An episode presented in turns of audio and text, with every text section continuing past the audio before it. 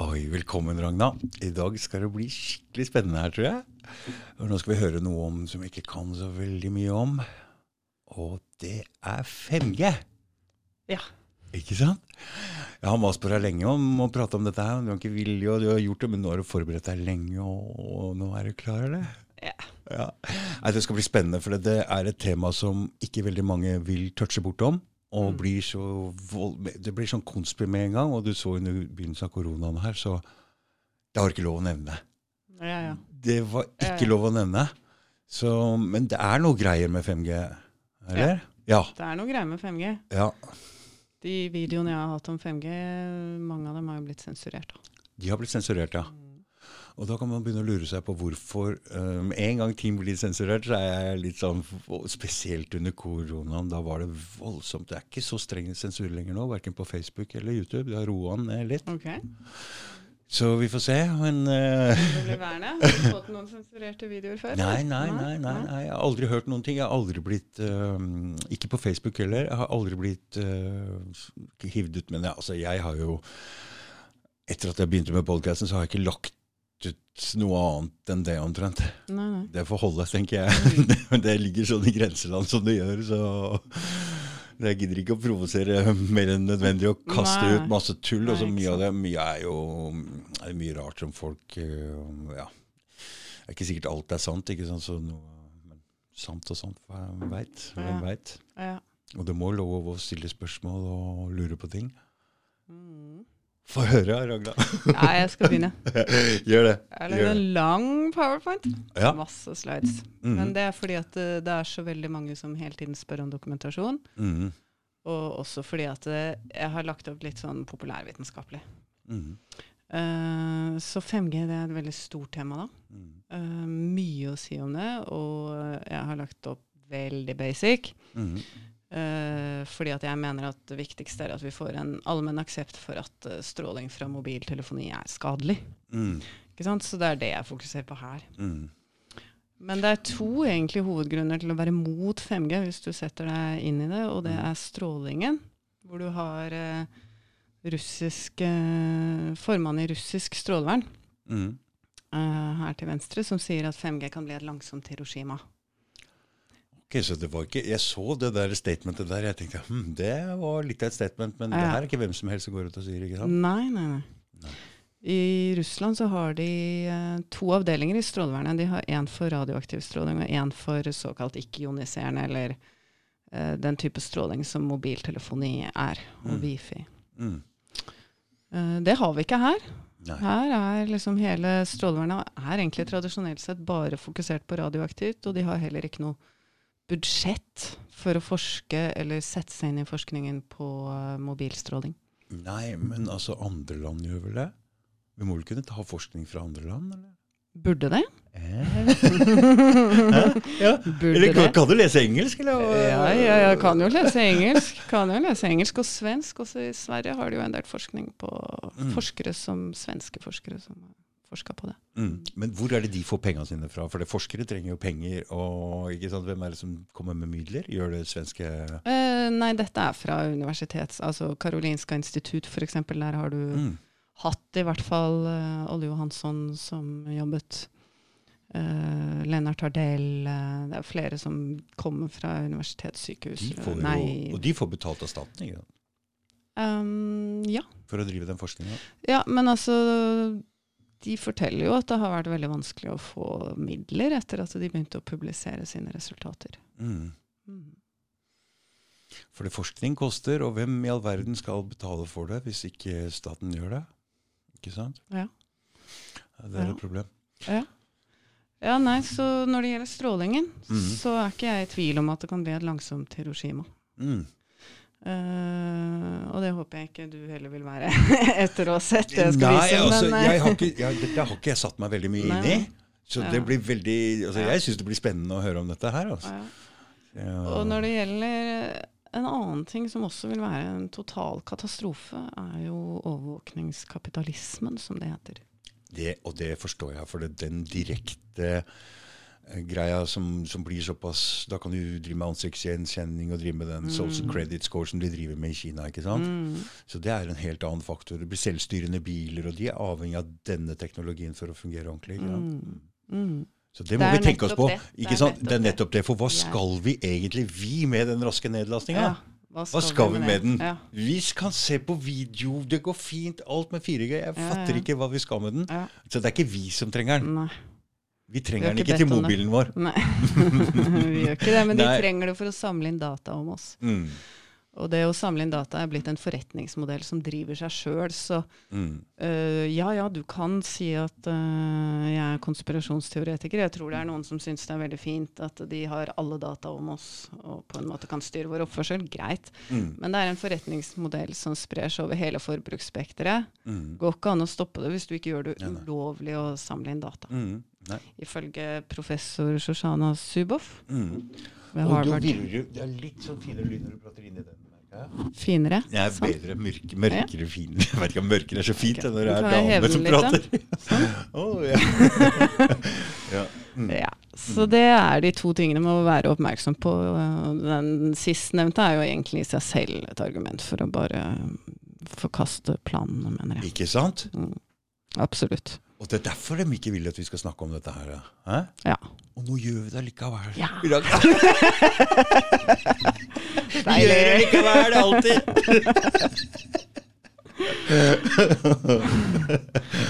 All right. Så jeg skal snakke veldig mye om stråling. Mm. Uh, når det kommer til strålingen, så er det flere ting som vi ikke er så veldig klar over, men som tyder på at det er noe der. F.eks. det at flere forsikringsselskaper ikke vil dekke skader fra elektromagnetiske felt. Så Elektromagnetisk, da snakker vi hva slags stråling? Da snakker vi egentlig både lavfrekvent sånn fra um, høyspentmaster og sånn, ja. mm. og uh, høyfrekvent som er fra mobilmaster og mobiltelefon. Mm, ja. mm.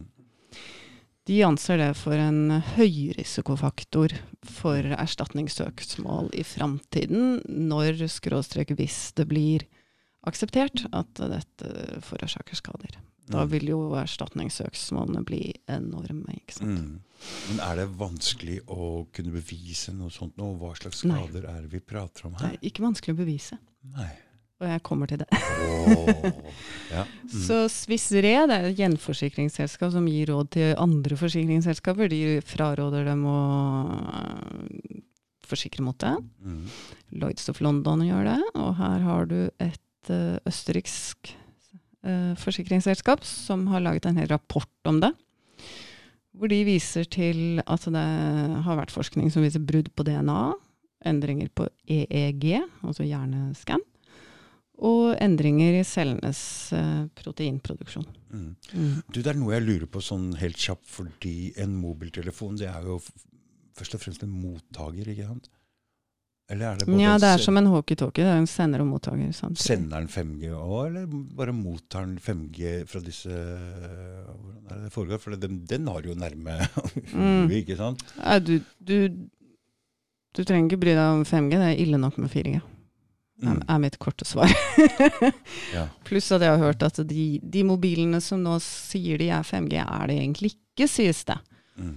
Så jeg vet ikke helt. Det er veldig mye liksom, forskjellig å vite om akkurat den teknologien, som på en mm. måte egentlig ikke jeg har tatt for meg så veldig mye her, mm. fordi at 4G er ille nok. Mm. Ja. Men uh, ja, mobilen sender, og den mottar. Mm. Og dette er jo forholdsvis nytt. Jeg husker jo, for det er ikke så lenge siden mobiltelefonen kom, og nå er den altså Nå har hun hele tida mm. rett ved nærheten her. Altså, mm.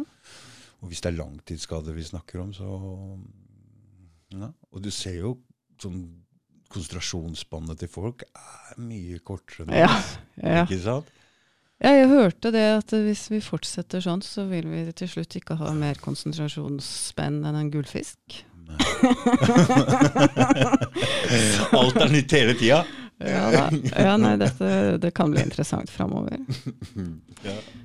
Annen liten rar ting er jo at i 2003 så tok Swisscom, eh, sveitsisk mobilselskap, eh, patent på en ruter som skulle beskytte mot stråling på en måte ved å sende mindre stråling når det ikke var nødvendig.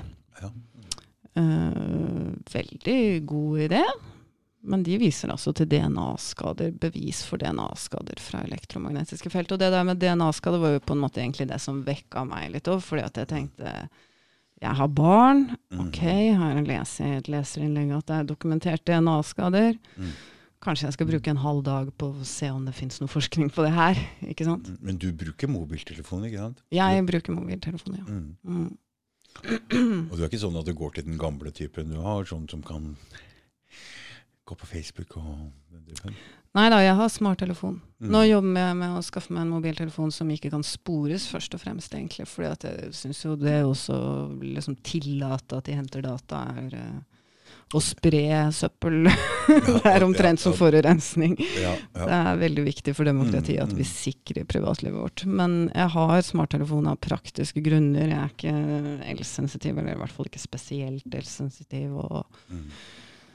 Jeg må jo bare satse på at dette går bra. Jeg har liksom kan ikke isolere meg fra verden. Men jeg bruker den selvfølgelig mindre enn jeg ellers ville gjort. Jeg setter den i flymodus i bil og litt sånn. Mm. Jeg, setter den i, jeg hadde jo Sissel Halmøy her, og min går på flymodus om natta. Var ja. fin. min du så når du kom her, den står ikke på til vanligvis, den står på nå, men det er bare fordi vi trenger den her nede. Ja. Jeg bruker ledning. Ja, ja, ja. Så- Bruker heller ikke wifi hjemme. Nei, altså hvis man ikke må ha det på, så det er det ikke nødvendig at den står på hele tiden. Nei, ikke sant. Ikke veit hva det er for noe. Okay. Ja. Her var det en gutt, eh, norsk gutt. eh, foreldrene fortalte at han hadde sittet i mange år med trådløse duppeditter rundt seg overalt. Og både han og hunden fikk hjernesvulst, da. Og nå sier de at de har kablet alt. Mm. Det er jo mulig å kable ting, Mm. ikke sant. Mm. Eh, Det er også en rettssak fra Italia hvor eh, de vant på Hevda så de hadde fått hjernekreft. eh, Saksøkeren hadde fått hjernekreft av mobiltelefon på jobb. Det skjedde i Saksøkte- saksøkte 2009. Saksøkte jobben. Nei, den som saksøkte, den som Ja, Mm. det var en som var syk av Mm. Han saksøkte jobben sin, for han måtte Ja, bruke mobiltelefon på jobben. riktig, ikke sant? riktig. Men da er det rett før de kan forvente at det går litt videre også, da. Ja da. Men det har vært en del seire, en del, eller et håndknipp, en håndfull rettssaker. Mm. Frankrike og Frankrike har jo erklært for en helserisiko å bo nær mobilsendere, faktisk. Og da prater vi om 4G, for de Mm. 5G-greiene må være overalt igjen, nærme hverandre. ikke sant? Ja, de skal jo være 250 meter. Hver 250 meter skal, skal det bli en sender. Mm. Som sender med frekvenser på langt over det som 4G er. Mm. Men i hvert fall uh, Her er litt sånn bare om, for å illustrere åssen dette dekkes i massemedia. Mm. Uh, ja, de vant rettssaken på tross av beviser, står det, ikke sant. Og på tross av en overveldende, et overveldende antall vitenskapsmenn som mener at dette ikke er farlig. Mm. Noe som er uh, ren løgn. Ja. Det var ren løgn, ja? Ja, det er ikke sant. Nei? Det er et overveldende antall viten... Altså Hvis du ser på de som har forsket på det sjøl, Mm. så mener majoriteten at det er skadelig. Og det er jo mm, ikke et spørsmål engang. 270 forskere har sendt en appell til EU, FN og WHO, hvor de ber om å få begrenset strålingen fra elektromagnetiske felt. Mm. Det er folk som har forsket på det sjøl. Det er jo veldig mange som har meninger om dette, og som aldri har forsket på det sjøl. Mm. Men de sier ja, jeg, jeg er lege. Er Hvorfor farlig. kaller de det for elektromagnetisk, egentlig? Eh, Det er fordi at um, ethvert elektrisk felt har et magnetisk felt rundt seg. Okay. Eller mm. på en måte vinkler det på. mm. Og vice versa. Mm. Mm. Okay. Strøm i bevegelse genererer et magnetfelt rundt seg, vinkler det på. Mm. Så derfor kalles det elektromagnetisk. Mm. Og det gjaldt begge, ikke sant? Det gjelder både sånn fra høyspenten, og det gjelder også sånn fra eh, 5G-sendere og telefoner og alt mulig. Alle typer sånn. Ja. Mm. Det er et veldig spesielt felt. Det er veldig, altså, du skal kunne mye for å forske på det her. Mm. For du kan kunne, skal kunne liksom om biologi og den slags ting, og du skal også kunne om fysikk og stråling osv. Mm. Det var egentlig faktisk interessant nok det jeg hadde lyst til å gjøre da jeg begynte å studere realfag. Mm. For jeg har studert eh, mekanikk, da. Mm. Endte opp med mekanikk. Men uh, jeg hadde egentlig tenkt å forske på det. Syns det var innmari interessant. Så du har vært interessert i dette her lenge? ikke sant? Ja, altså Eller Nei, det der, dette med 5G det kom til meg bare for noen år sia. Mm. Men jeg hadde liksom allerede da jeg var 18 år, så leste jeg tilfeldigvis en bok om det og syntes det var interessant. Og så glemte jeg den boka, og så fortsatte jeg med mekanikk. Men det var liksom det som ansporet meg til å gjøre det, da. Mm. Mm. For du har jobba sammen med han Kurt Oldekalv, Mm. ikke sant? Mm. Hva heter det for noe Norsk Strale... Miljøvernforbundet. Miljøvernforbundet, ja. Mm. Det eneste ordentlige miljøvernforbundet som ikke driver bare og prater om klima. Ja. Ja. de har, de har i hvert fall gjort en strålende jobb med vindkraft. Mm. Og jeg syns jo Kurt Oddekalv skal ha heder for å ville drive med 5G-saken, for han var litt eh, Altså, han fikk i hvert fall mye motstand Mm, innad mm. på å gjøre det. Mm. For at uh, liksom Det er ikke så politisk korrekt, ikke sant? Mm. Og mange som blander seg. Nå har Så var det noen som kasta kaffekopp på han. Det var det òg. ja da, nei, han oh, no, no, no. og kjeftesmell, han Kurt Oddekalv. Han er litt kul òg. på seg folk. Ja, men sånne bergensere med den stemmen der, jeg syns de er litt kule. ja. De er eh, tørre å snakke høyt. Mm. Ikke sant? Ikke sant? Ja, det er kult. Ja, det er litt kult. jeg syns det. det er litt kult. Eh, tilbake til disse forskerne. Her er det 422 leger og forskere som har underskrevet 5G-appellen. Kom i 2018. Mm. Så det er ganske mange egentlig internasjonalt som mener at dette skadelig, og er veldig, veldig bekymra. Uh, så har jeg satt opp noen myter om mobilstråling, da, for det er jo så mye som folk mener om dette her. Disse kategoriske nekterne de sier jo gjerne at uh, det er ikke noe anerkjent forskning på det. Mm. Og den forskningen som finnes er for dårlig. Uh, det er ikke funnet noen årsaksmekanisme, så derfor så, derfor så er det ikke noen skader. Mm. Det er jo ikke noe særlig bra resonnement, da, men Mm. hvis du ser at det skader, så gjør det jo det. Uh, og strålingen er for svak. Kan ikke skade oss. Mm. Eller ingen blir syke. Skal jeg kommentere framover, da. Det finnes ingen årsaksmekanisme, det er feil. I 2015 så kom professor Martin Pall fra Cana- Canada med en teori om at eh, elektromagnetiske felt aktiverer cellenes kalsiumkanaler. Og han eh, beviste det. Og den oppdagelsen ble oppført i noe som heter Global Medical Discovery. Som er en side hvor de publiserer banebrytende medisinsk forskning. Men hva betyr det? Kalsium Ja, eh, du skjønner at cellen har I celleveggen så er det kanaler som skal åpne og lukke seg for å motta næring. mm. Blant annet kalsium, ikke sant.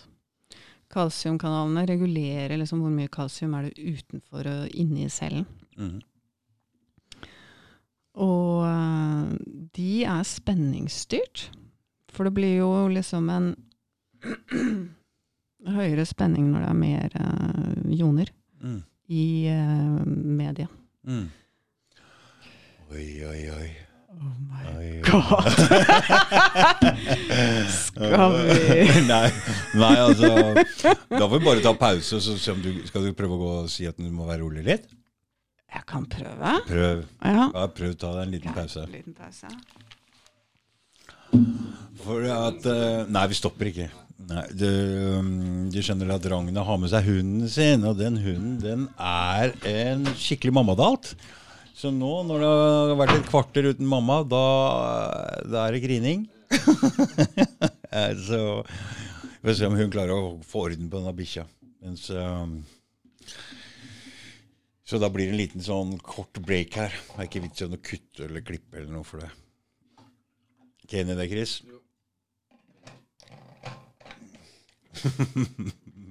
Vi lukka igjen døra, prøvde å gjøre alt mulig her for at de ikke skulle høre den, men Jeg kan ikke være aleine hjemme, den bikkja. Hæ?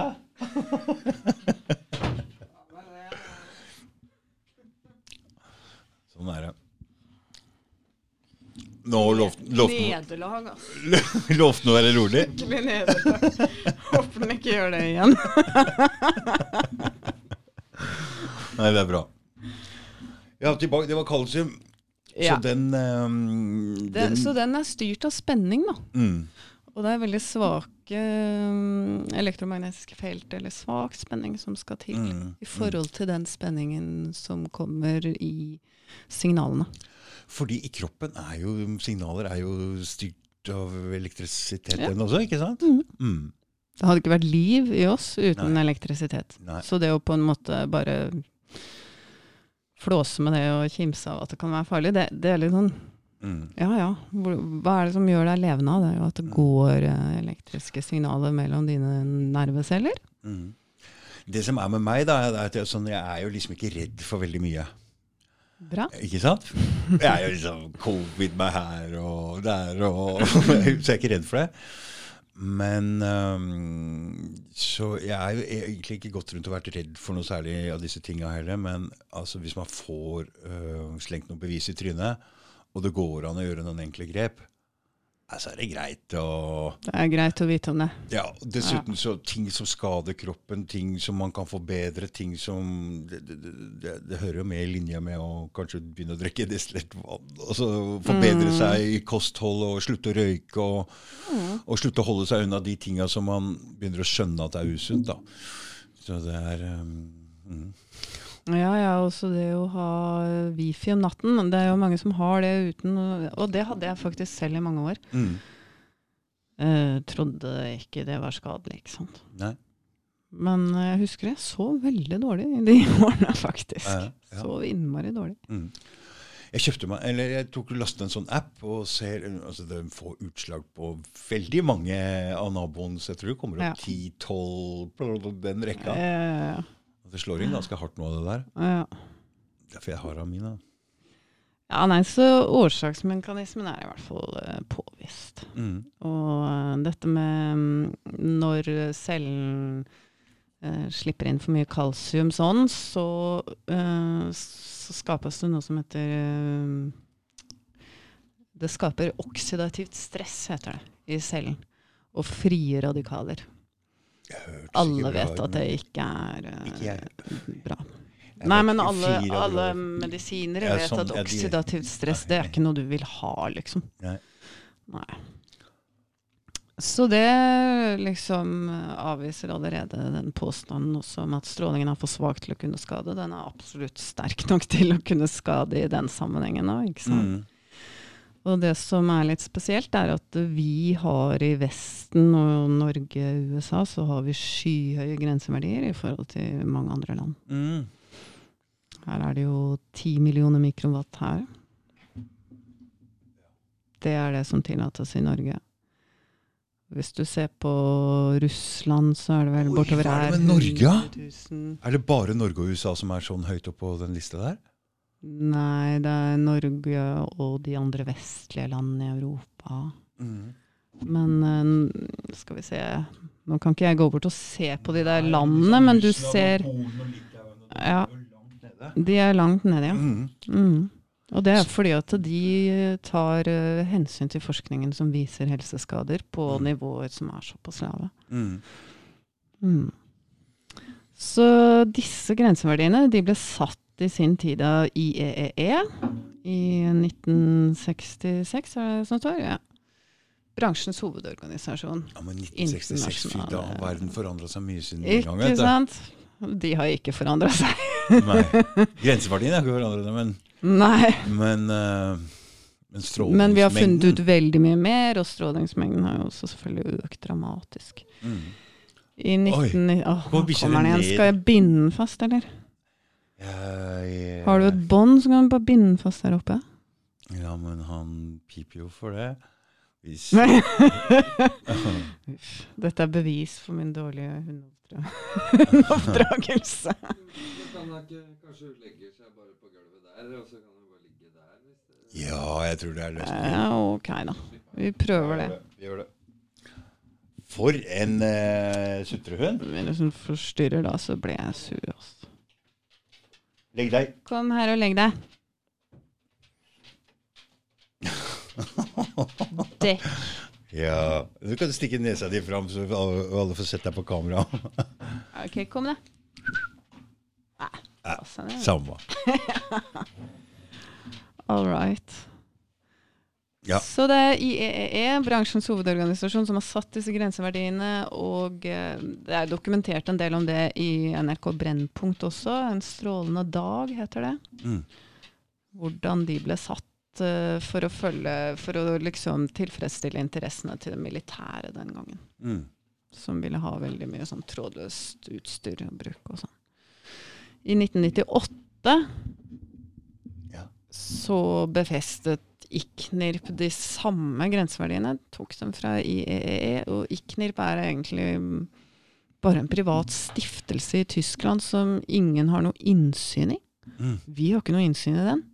Strålevernet i Norge sier at de følger ICNIRP.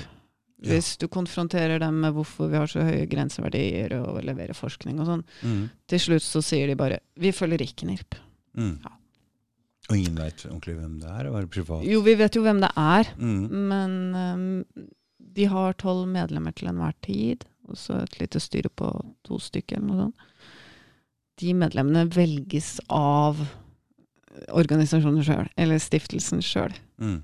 Uh, det er ikke noe utlysning, ikke noe liksom eh, Kriteriet for å være med er at, eh, er at du støtter deres grenseverdier. Og de driver, Knirp driver aktiv lobbyisme i, flere land for å få høyere grenseverdier. For Mm. at de skal følge deres grenseverdier. Mm. Så Men sånn de, er det. Men de grenseverdiene som mange av de landa der har, som er så lave, ikke sant? Mm. Det nytter ikke å innføre 5G når det er sånn, eller? Du, det har jeg lurt på. Mm. Jeg synes det, Du skjønner, det der er litt komplisert. Mm. I Russland skal du jo ha 5G, så vidt jeg skjønner, i Moskva. Men husker du den kampen om at her skal liksom Eriksson der og Huawei der og ikke lov Mm. og Som var her nå, når Trump liksom Nei, ikke Huawei. Mm. Det er et eller annet som foregår her nå med noe greier der. Ja, det er det nok. Mm. Altså, spørsmålet er jo om Kina skal få alle dataene våre, ikke sant? Ja, ja, ja. Det er um, i hvert fall heldigvis noen som vil unngå det, men det er egentlig det samme. Altså. Så, det er jo samme så lenge de har monopol på alle industrier i verden, så ja, men USA, det er ikke noe bedre at uh, Nei, ikke sant? Hæ? ikke sant? Det er det jeg også mener. Så det er flere vitenskapelige råd som har lavere anbefalte grenseverdier enn i ICNIRP. da. Langt lavere. En av dem er Bioinitiative, som er selvstendig uavhengige forskere. Mm. Uh, og så er det Europarådet, da, hvor Torbjørn Jagland satt. Og de ligger nedpå her. Ja. Deres uh, mål er vel 100 mikrowatt uh, per kvadratmeter. Mm. Europarådet. Jeg må bare sjekke. Ja, stemmer. Jeg kan ikke lese så langt borte. Men altså 100 000 lavere. Europarådet har anbefalt uh, sine medlemsland, bl.a. oss, da, å uh, senke bestrålingen til 100 000 ganger lavere. Eller den tillatte bestrålingen. Den går opp til mye over den anbefalingen. Eh, hvis du ser på hva vi blir utsatt for, så ser du noen illustrasjoner på det her. Bluetooth i lomma. Bluetooth på ørene. 7500-4500 mikrowatt rett gjennom hjernen. Og hvis du ser på forskningen, så viser den, finner den helseskade på helt ned i tror det er 30 mikrowatt. For det har jeg ikke tenkt så mye på. Nei. De Bluetooth, øh, og spesielt dem du døtter inn i øra, dem kommer ganske nærme hjernen. Altså. Ja, ja. Hæ? Ja. Nei, jeg skjønner ikke det. Eller jeg skjønner jo det hvis ikke folk tror det kan være skade i det hele tatt, men Mm. det ser ikke ut som noe særlig å ha. Nei, for man ser jo ikke noe med en gang, og det må kanskje gå litt tid. og kanskje litt sånn, Men da er det jo veldig mye sånne skavanker på folk begynner å bli. da. Ja. Her og der og, Ja. sånn, og det er piller med her, og det er litt vondtere her. Og, ja, du har merket det, du òg? Jeg spiser ikke piller, men Ja da, nei. Mange sykdommer. er- Mange sykdommer, ikke sant? Mhm. Mye rart. Mye rart. Og Mm. unge mennesker som hjernekreft på barn og alt mulig. Ja. Mm. Så det er flere faktorer ved strålingen som skader. Nå tar Ikner på vårt strålevern bare hensyn til eh, eh, intensiteten, altså. Mengden stråling. Mm. Men vi har jo frekvensen. Den er skadelig. Og det kommer an på hvilken Ja. frekvens. Noen frekvenser har sånn og sånn virkning på kroppen, andre har sånn og slik. for nå begynner vi å komme inn på noe som vi har, jeg og sikkert mange andre også har hørt om 5G. Mm. At de kan skru opp frekvensen. Ikke Ja. sant? Og det kan skrus opp ganske høyt. Så Ja. det begynner å bli ganske farlig. Nå veit jeg ikke om hva disse frekvensområdene, hvilken hva de gjør, men altså Hjernebølger og Jeg veit vet ikke. Jeg skal fortelle litt om det. Jeg skal fortelle litt. Skal Ja. gå gjennom disse faktorene som skader først. Mm, mm. Eh, Det er frekvensen, og så er det det som heter pulsingen, som er spesielt for um, digitale signaler. Mm. At det er ikke et kontinuerlig signal, hvis du ser på neste, da, som heter modulering. Mm. Du ser at det er kontinuerlig, det går gradvis opp, gradvis ned, Mm, som en mm. bølge. Mm. Eh, strålingen uh, digitale, til digitale duppeditter, den pulser. Mm. Så det går bare raskt opp. Mm. Umiddelbart opp, umiddelbart ned. Det har vist seg å være mye mer skadelig enn kontinuerlige signaler. Mm. Og det på en måte kan man jo tenke seg. Da rekker liksom ikke kroppen å skjønne hva som skjer. engang. Få bare masse Tenker på, signaler. tenker på lyder også. De er jo jævlig mye mer kjipe hvis de kommer sånn Ja. Ja. Hvis de kommer en sånn jevn lyd, Ja, så er det akkurat riktig. som du kan koble den ut. Ja, riktig. Og så til slutt så er det intensitet, da. Mm. Hvor mye stråling er det? Og det er det eneste som tas hensyn til i vår vestlige verden. Og øh, denne grensen er satt etter hvor mye som skal til for å varme opp kroppen. Mm. Fordi at uh, industriens uh, tjenere, som vi dessverre har mange av, Mm. de mener, hevder, at det eneste som kan skade ved stråling er oppvarming. Mm. Ikke noe mer. Men det er altså feil. Så den strålinga den kan bli så sterk at den varmer opp Ja, ja.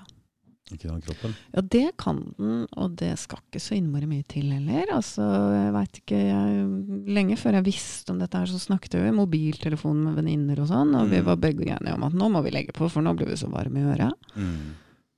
Kanskje etter Ja en halvtime, ikke sant. Du Mm, merker mm. at du blir varm.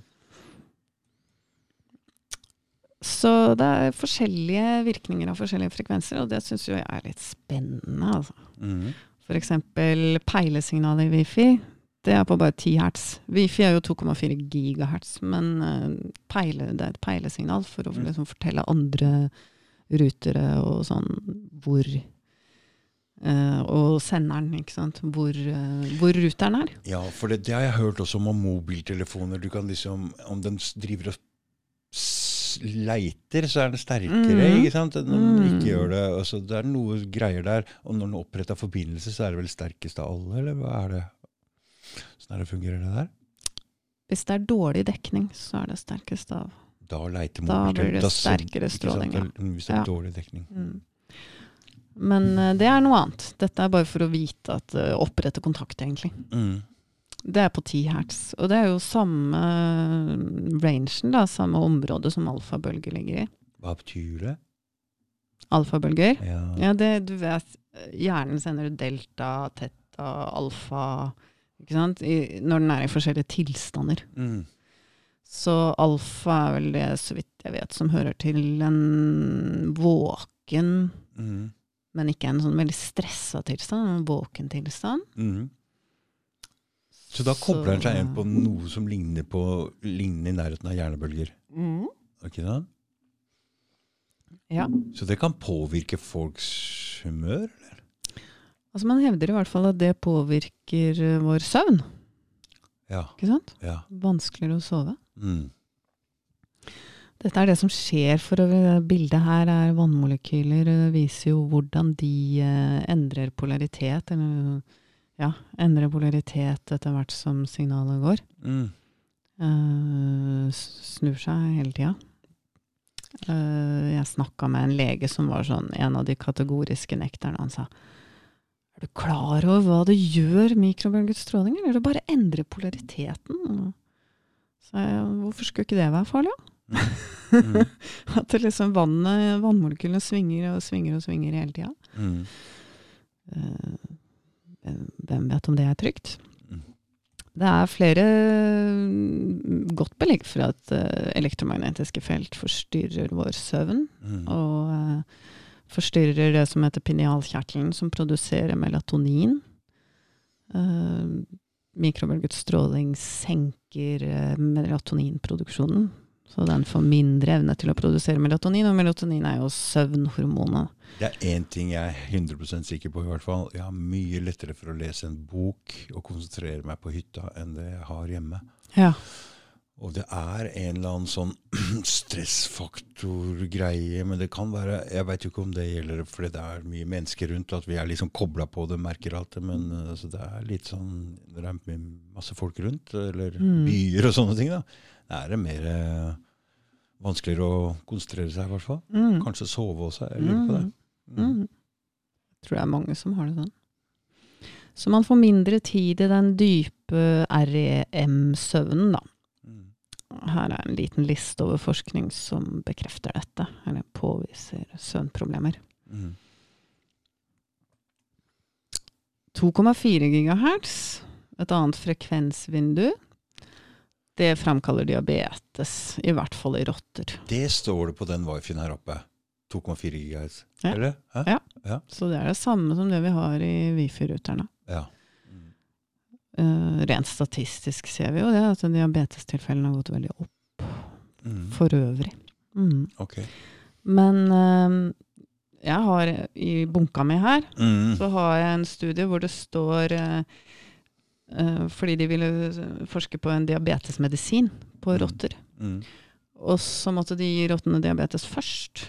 Så sto det bare ja, vi bestrålte dem med 2,4 gigahertz for å gi dem diabetes. Mm. For det skal dere vite, kjære publikum, at Bragna har med seg Altså, det er eh, fem sånne gamle telefonkataloger med, med Riktig. med- Ja, ja en bra beskrivelse. Det er ca. fem gamle telefonkataloger. Så det er litt Jeg svei printeren på Miljøvernforbundet. Jeg liker å ha ting på For dette, dette er, er greia di, Ragna. Ja. Stråling og Det er den derfra du Det, det er saken din, ikke sant? Ja, altså jeg jobba i to år med det i Miljøvernforbundet. Mm. Mm. Du skulle bare egentlig oppdatere deg litt igjen, så du kunne komme hit og snakke. Ikke Ja. Mm. ja, riktig. Og så lage den presentasjonen. Uh, Så jeg jobba litt med det, ikke Ja, sant? jobba litt med det. Ja, det Det gjelder å prøve å gjøre det litt sånn eh, Ikke så tørt, da. Ikke sant? Ikke sant? Litt mer sånn med bilder og sånn har jeg tenkt. Prøve å få til. Ja. Det kan bli litt tørt. ja. Så her er bilder av rotter og blodsukkermålere og ja. Så det gjorde de. De bare stråla de rottene, Ja. og så fikk de diabetes. Og så kunne de forske videre. Ja. Og det er blitt en standardmetode i forskning. Hvis du skal forske på diabetes og rotter, så gir du det med 2,4 gigahertz. Mm. Her er uh, forskning som viser sammenheng mellom EMF og diabetes. En liten liste. Altså Disse listene er ikke utfyllende på noen måte.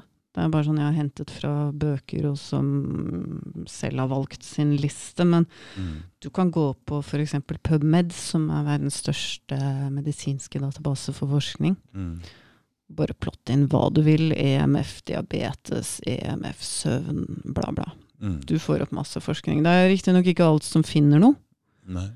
Um, men um, det som ikke finner noe, er som regel av industrivennlige forskere. Men du kommer til å legge ut noen linker her, ikke sant, etterpå? Ja, det blir en liten kildeliste, i hvert fall. Mm. Så folk kan gå og titte på det sjøl hvis det blir Mm. Mm. Mm. 60 gigahertz, annet frekvensvindu. Der endres oksygenmolekylet, endrer egenskaper. 60 gigahertz, det er den frekvensen hvor oksygen, som, hvor oksygen tar opp mest energi fra Det er en mye høyere gigahertz. Hva er det det egentlig betyr? Det er en 5G-frekvens. Det er en 5G-frekvens. Ja, den har vi ikke hatt i Norge. Mm. Vi har foreløpig ikke engang testtillatelse til den. Å nei, men Vi hørte noen rykter om at de hadde prøvd å sette det ut litt ned i byen, men det er bare tull. Eller? 60? Nei, 5G. Å ja, ja, men 5G kan være Det kan være frekvenser helt ned i 4-5 gigahertz også, det. Ja. Så det, 5G kan gå fra 4-5 gigahertz og opp til 60? Opp til 300. Opp til 300! Mm. Og det er grensen for synlig lys. Så det er en høy frekvens. Mm. Det er et Altså det er i hvert fall det de har- har tillatelse til, eller det de liksom har planlagt. Nå tror jeg jo gjerne ikke det kommer til å gå opp i 300. Jeg tror ikke vi overlever det uansett. Uh, jeg hadde et Er det et våpen, eller er det et våpen, eller? er- jeg vil kalle det et våpen, ja. Men litt sånn sakte-død-våpen. Men hvis de skrur opp den frekvensstyrken så høyt, er det sånn justerbart, eller det greiene der? Det er justerbart, ja. Ja. Så de hadde jo Altså nå har Nkom, som er eh, de som gir disse tillatelsene Altså staten driver og selger disse frekvensbåndene Ja. til telekombransjen. Mm. Og tjener penger på det. Samme som de gjør med radiofrekvenser og Ja. sånn, ikke sant? Og, ja, mm, Ja. Mm, Så sånn sett så tjener de grove penger på å mm. selge rettighetene til folk som griller oss, da. Rett og Og denne, for å si det sånn. denne norske staten, de, de, de trenger veldig mye penger, fordi de Ja, er selger veldig mye nå. dem. De selger veldig mye! aldri nok. Aldri nok, men, men Mm, det, går Kanskje de skal det, prøve å selge synlig lys også. det går ikke til oss, det det. Nei. Nei, det går på bekostning av oss. Men um, i hvert fall de har solgt eh, De har gitt testtillatelse til opptil 24 gigahertz i Norge. Ja. Sånn at uh, disse teleselskapene kan teste opp til det når de vil. Mm. Uh, vi vet ikke når de tester det, og om de tester det. Og uh, ja. Det var jo interessant nok en skole Så de har solgt De har solgt um, De har ikke solgt selve frekvensbåndet, men de har gitt lov til å teste på det? Eller? Hvordan er det? Ja, Mm, så vidt jeg har mm, skjønt, ja. mm, mm. Mm. De kommer da jeg, vet, eh, jeg tror de har solgt frekven frekvensbåndet òg, men foreløpig så brukes vel bare sånn De der høye frekvensene på 24 GHz og sånn er bare planlagt brukt på veldig lokale steder, for det er veldig upraktisk teknisk sett, så jeg vet jo ikke om Hva skal de med den høye frekvensen? Er det bare en Hva er det foregår Men her? Det er liksom det du trenger for selvkjørende biler og sånne ting. Ok. Mm. Mm. Men hva betyr det at det er en høyere frekvens, um, egentlig? Veldig mye kortere bølgelengder. Jeg skjønner ikke for det. Eh, nei, her skulle man hatt et bilde, da. Ikke sant? Nei, jeg kan jo gå spørre, tilbake. jeg skal ikke spørre altså, så vanskelig, Okay? Men, men, men Hvis du forestiller deg bølger, da, så Ja. er frekvensen uh, hvor mange bølgetopper som passerer i løpet av et sekund. Mm. Og det kalles hertz. mm. Så én hertz, én bølgetopp per sekund. Mm. ok? Ja. Mm. Hvor Ja. mange bølgetopper per sekund? Det er det Ja, det betyr? ja. Det er det det betyr. ja. Enkelt og greit. Mm. Så jo høyere frekvens, jo kortere bølgelengde, for da må det jo være flere bølger som passerer i sekundet, ikke sant. Mm. Mm. Men i hvert fall, oksygenmolekylet endres av 60 gigahertz, eh, sånn at det ikke er like lett for kroppen å ta opp oksygen. Og oksygen er det viktigste som er rundt i kroppen. For mangel på oksygen, da begynner det å skje ting. Da begynner det å råtne opp, rett og slett. For Ja, nei, sykdommer. mm, det skjer fortere enn det. Altså, Mm. du får ikke puste. Ja. Og uh, i Wuhan så satte de på 60 GHz uh, to uker før korona kom. Det er ikke lov å si! Nei, det er det sikkert ikke, men det var det de gjorde, da. Ikke sant? For det Mm. der har vi hørt noe litt om. Ja. Italia og Wuhan. og Italia, Mm. Wuhan, og så disse cruiseskipene. Ja, så det der var det strengt forbudt å si for halvannet år siden. Mm. Det er sikkert ennå. Men altså, jeg tror jo et, Når det gjelder korona, så tror jeg det er en sammenheng. Mm. Hvert fall når det gjelder den 60 gigahertzen der det er. Men jeg tror på en måte det er flere ting med korona. Mm. Jeg tror ikke det bare, for, for det er slett ikke overalt hvor det er den 60 gigahertzen.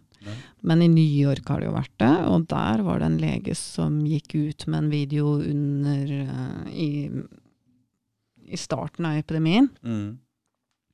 og fortalte at han kom til sykehuset, og han trodde det skulle handle om uh, lungebetennelse. Han trodde han skulle liksom eh, ha folk med svake lunger, i hvert fall. Ikke Mm. lungebetennelse, men Mm. eh, Men det er jo ikke det de har, sa han. Nei. Det ser ut som de har eh, klatra opp på Mount Everest uten å ha trent, liksom. Mangler Så de har blitt sluppet ned på At de er høydesyke. Blitt sluppet Mm. ned i 4000 meters høyde, og de får bare ikke nok luft. Mm. Han snakka ikke om 5G, han snakka om 60 giga- gigahertz. Han hadde ikke peiling på det, ikke sant? nei, nei. Men Mm. det bekrefter på en måte at det er noe med det. Mm. Så det er det. Nå skal jeg snakke litt om DNA-skader. Mm. Eh, jeg syns dette er en ganske eh, god illustrasjon. Det var noe som het Refleksstudien i 2004. Ganske høyt budsjett. En studie finansiert av EU. Hvor de lot uh, DNA Ok, ja. Hvor de bestrålte DNA med uh, mobilstråling her og radioaktiv stråling her. Og du ser i denne testen som heter, er test som heter Comet Assay, Mm. så ser du da halen etter eh, DNA. Det tyder på DNA-fragmenter, altså brudd på DNA. Så jo mer lengre hale, jo mer DNA-skade. Mm. Denne bestrålingen her, den tilsvarer ca. 60 CT-skanninger, eller 260 år med naturlig bakgrunnsstråling. Og denne her, den tilsvarer 24 timer med en GSM-mobiltelefon, 1800 MHz. For én ting er sikkert at eh, når det gjelder disse um, Når man tar MR og sånne ting, så, Mm. så Altså Første gangen jeg gjorde det, så sa de ta på deg disse her og trykk på den knappen her hvis du blir redd. Jeg sa redd? Hva da redd? Men så tok hun løpefart omtrent og løp øh, 100 meter borti der og lokka igjen to ståldører, og da begynte det Og så begynte den maskinen der å dure. Jeg tenkte hva er dette for noe? Jeg kjente det langt inni, langt inni skjelettet, altså. Ja, det er ikke, det er ikke mye behagelig, ass. Det var noe der, så jeg tenker oi, oi, oi. Nei, så det er noe, De er redd for de som jobber med det, i hvert fall. De veit at det er noe Ja, ja. Mm. Mhm. Absolutt. Men det er jo MR, hva er det, ja? Det er, er det Ja. samme som CT? Er omtrent bare at MR er den der, når du legger deg inn i som er sånne der svære sånn så, Eh, Jeg ligget inn. Jeg har Ja, ligget inn. Jeg har til og med våkna inn en gang. What? Hvor er jeg? Når du kjenner sånn at det er stråling, da tenker jeg oi. Ja, ja, så Han som ledet den studien, han het Frans eh, Adelkofer mm. fra Østerrike. Det som var interessant, var at han hadde jo jobba for tobakksindustrien før. Mm. Og så hjulpet tobakksindustrien med å tåkelegge eh, hvor skadelig tobakk var. Mm. Denne gangen så fortalte han en kollega at eh, jeg har barnebarn, jeg. Så Mm. jeg står for denne forskningen. Mm. Men eh, refleksstudien, som alle egentlig store resultater, eller veldig mange har blitt, eh, ble anklaget for svindel. Eh, det var laboratorieassistenten som ble anklaget for å bare rett og slett faket resultatene. Mm. Og den som anklaget, det var professor André Alexander Lerchel, som mottok forskningsmidler i samme periode. Store forskningsmidler fra bransjen, Mm. telekomindustrien. Mm. Eh, Så det gikk jo over hele verden liksom at dette var jo bare svindel. Denne DNA-forskningen Mm. bare tøv, eh, svindel ved universitetet i Wien osv. Stor Mm. oppstandelse. Mm. Og mange, mange år senere, i 2015, så uh, avgjorde en rettssal i Hamburg at Lerkjell måtte trekke sine falske anklager. Mm. Så så lett er det å sverte. Men det har aldri, forskning. liksom, det har aldri kommet liksom, Nei, ut- det snakket jo ikke mer om. Nei, nei, nei. Det var ikke noe interessant. Ja. Det gikk ikke over hele verden. Og, ja, mange år siden, og alt var glemt. ikke sant? Mm. Eh, det er flere bevis for DNA-skader. Her er en liten liste. 85 studier på DNA og elektromagnetiske felt, hvor 43 fant skader og 42 fant ingen. Mm, så det er jo litt sånn 50-50, ikke fordi at det egentlig i seg selv betyr at uh, man ikke vet noe. Men uh, når man ser på hvem som har finansiert studiene, Mm. og merker de som kommer fra telekomindustrien og militæret med rødt og fiolett, så ser man at det, det er veldig stor overvekt av de som ikke viser effekt, som Mm. er finansiert av dem. Da. Mm. Mm. Faktisk eh, 75 av den industrifinansierte. Så ja, 75% av de som ikke finner effekt, er eh, finansiert av bransjen sjøl. Nå må du legge deg det. Det tripper fælt her. Gå og legg deg. Legg seg. Så sleip. Skulle lagt en film. Trippebikkje. Dekk. Å ja, den kan det ordet. Å ja. Min Ja. kan ikke det ordet i det hele. Å, pass så du ikke river det nå her, da. Bli. Flink. Bli. All right.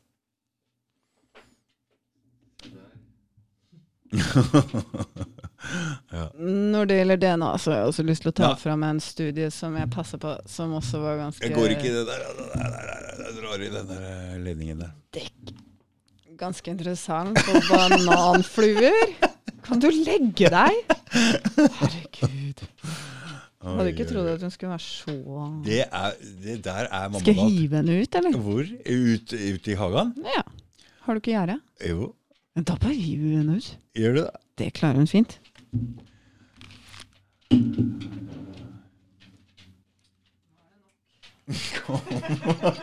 Nå er mor lei. Oi, oi, oi. det, det var mamma Dalton-hunden. Ja, du skal få kaffe. Ja, du skal få kaffe.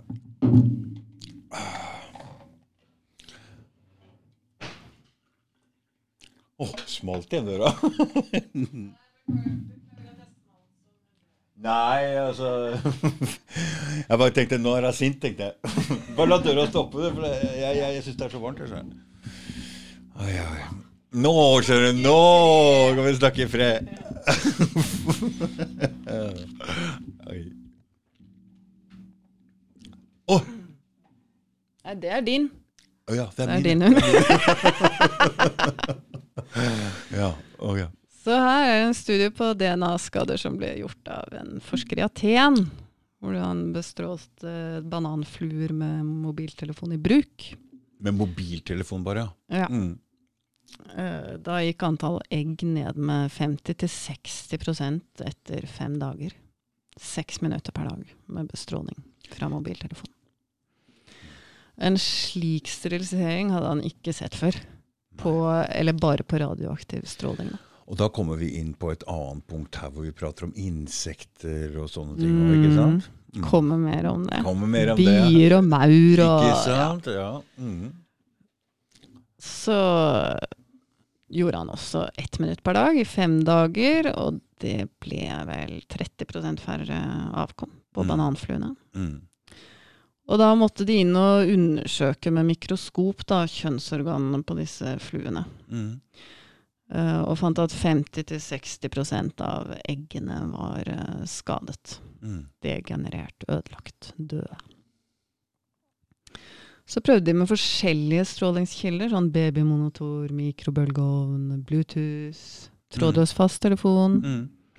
Wifi-ruter. Mm. I alle tilfellene så fant de mellom 10 og 30% færre avkom til bananfluene. Men mobiltelefonen var verst?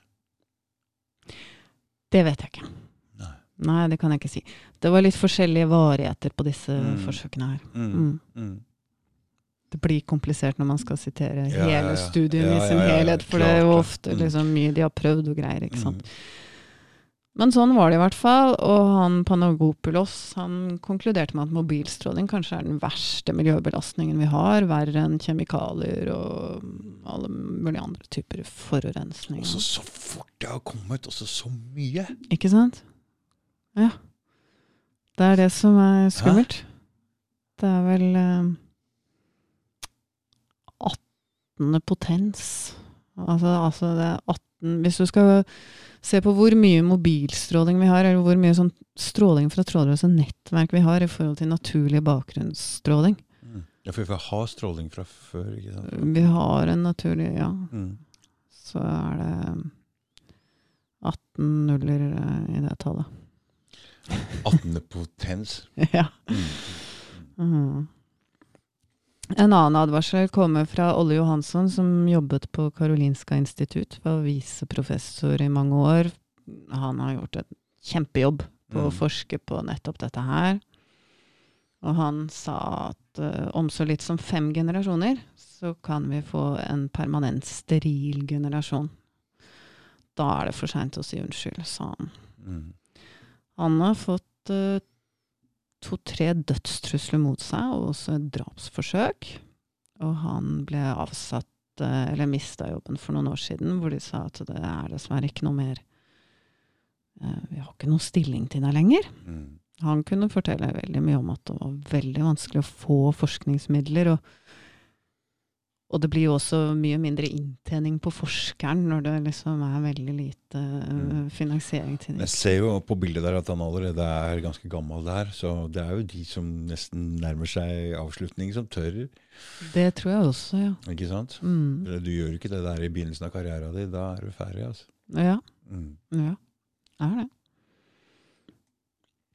Ja, så denne bananfluestudien det er en av mange som WHO avviser da, som bevis. De vil ikke se på det, fordi at de mener at eh, det er såkalt upålitelig dos dosimetri. Du kan ikke måle akkurat hvor mye stråling det er til enhver tid.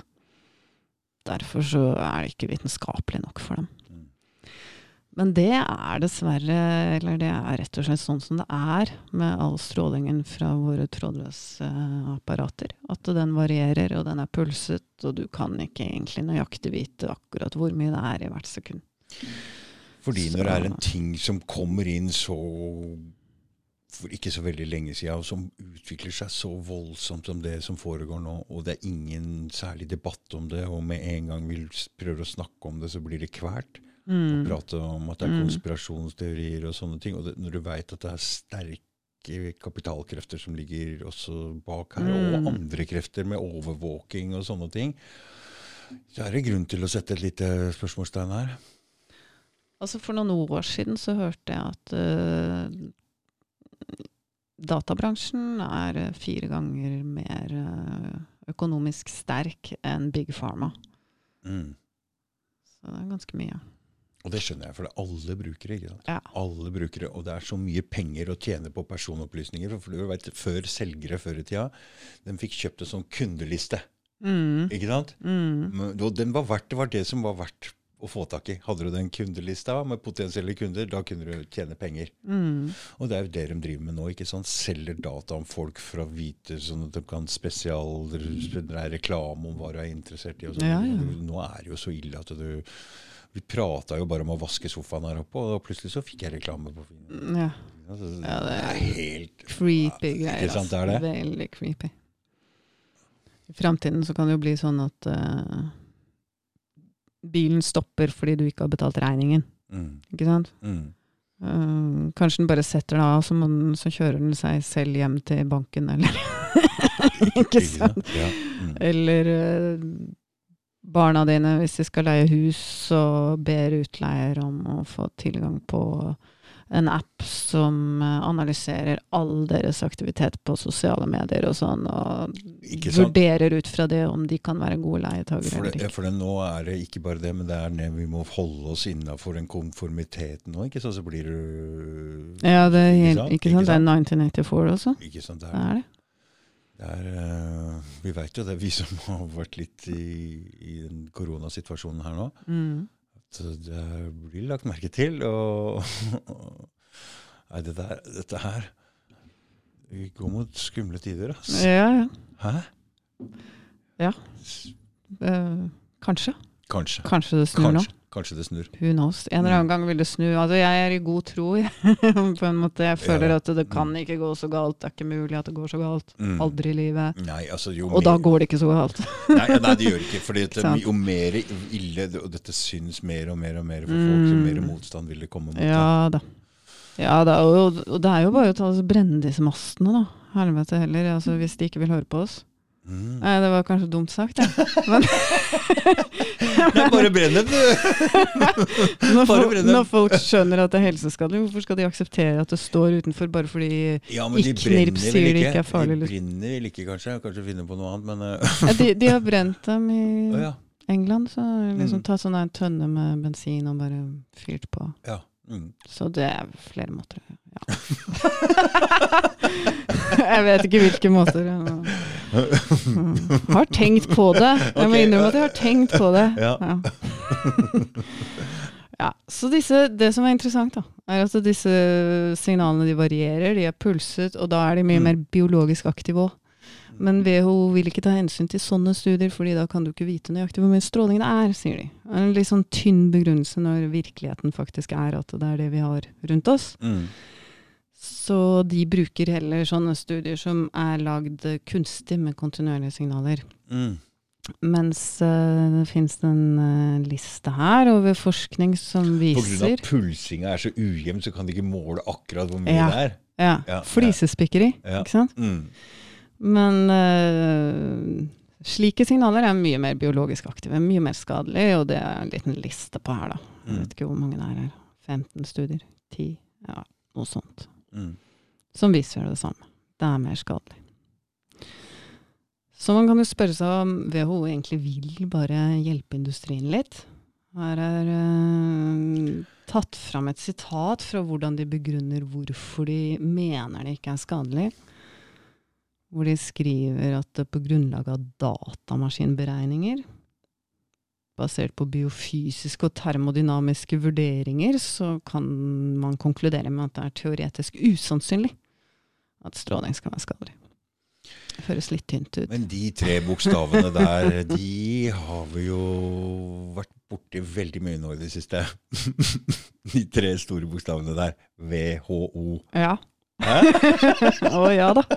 Hæ? De har vært veldig Litt blanda drops. De to eh, siste åra har vi ikke hørt noe. De har vært veldig Altså Ja. Og hvem er de folka der, egentlig? De har bare tatt seg til rette, eller? Ja, de har jo kommet til sine stillinger, og jeg skal ikke si at alle er skurker. Nei, men, Men de har på en måte tatt Altså, det er jo det vi er ehm, De der Ja, fordi nå er det jo de Skal jo de ta over verden, de. Mm. Hæ? Ja. de skal jo det. Ja, altså de, de skal lage et overnasjonalt eh, kanskje nå, hvor de skal opp i september igjen, eller august eller september nå. Mhm. Alle helseministrene fra alle land, og kanskje skrive under en kontrakt på å gi dem en slags overnasjonal styring ved neste pandemi. Ja. Da er jo, har jo på en måte Og med de restriksjonene som de kjørte ja, på i noen dager her, over. da tar de over. Mm. Så, eh, så det er ikke rart jeg sier at jeg har sett de tre bokstavene før i en annen sammenheng, når du Nei, nei. viser det fram her nå. Og apropos overvåkningskapitalisme, da, så kan du jo bare tenke deg hvor utrolig mye de har tjent på at vi skulle settes hjemme med hjemmekontor, og Ikke sant? Mm. alt skulle skje digitalt, liksom.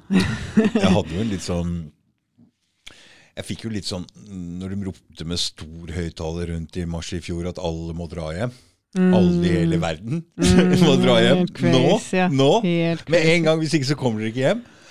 Og vi liksom spurte sånn pent Kan vi dra på hytta? Nei!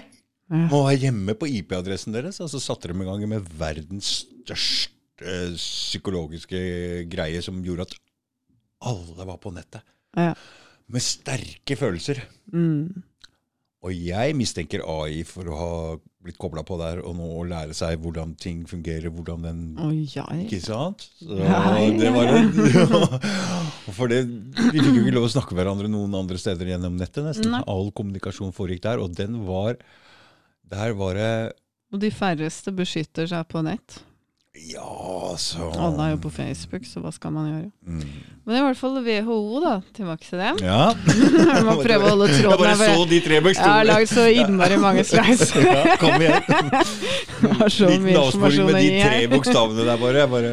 Men det som er på en måte også litt frekt med dette sitatet her, er at de sier det er ikke skadelig bortsett fra reaksjoner som skyldes parafrie radikaler. Alle medisinere vet at frie radikaler er skadelig. mm. Så vidt jeg har skjønt, i hvert fall. Jeg er ikke med- medisiner, jeg er fysiker, men, eller fysikkutdannet. Så viser de til tre artikkelforfattere. Foster, Adair og Shepherd. Foster han skriver i selve artikkelen at eh, disse skadene eksisterer. De gjør det, men problemet er liksom bare å vite hvor mye som forårsaker hva, osv., og, og forstå hvordan det skader og sånn. Mm.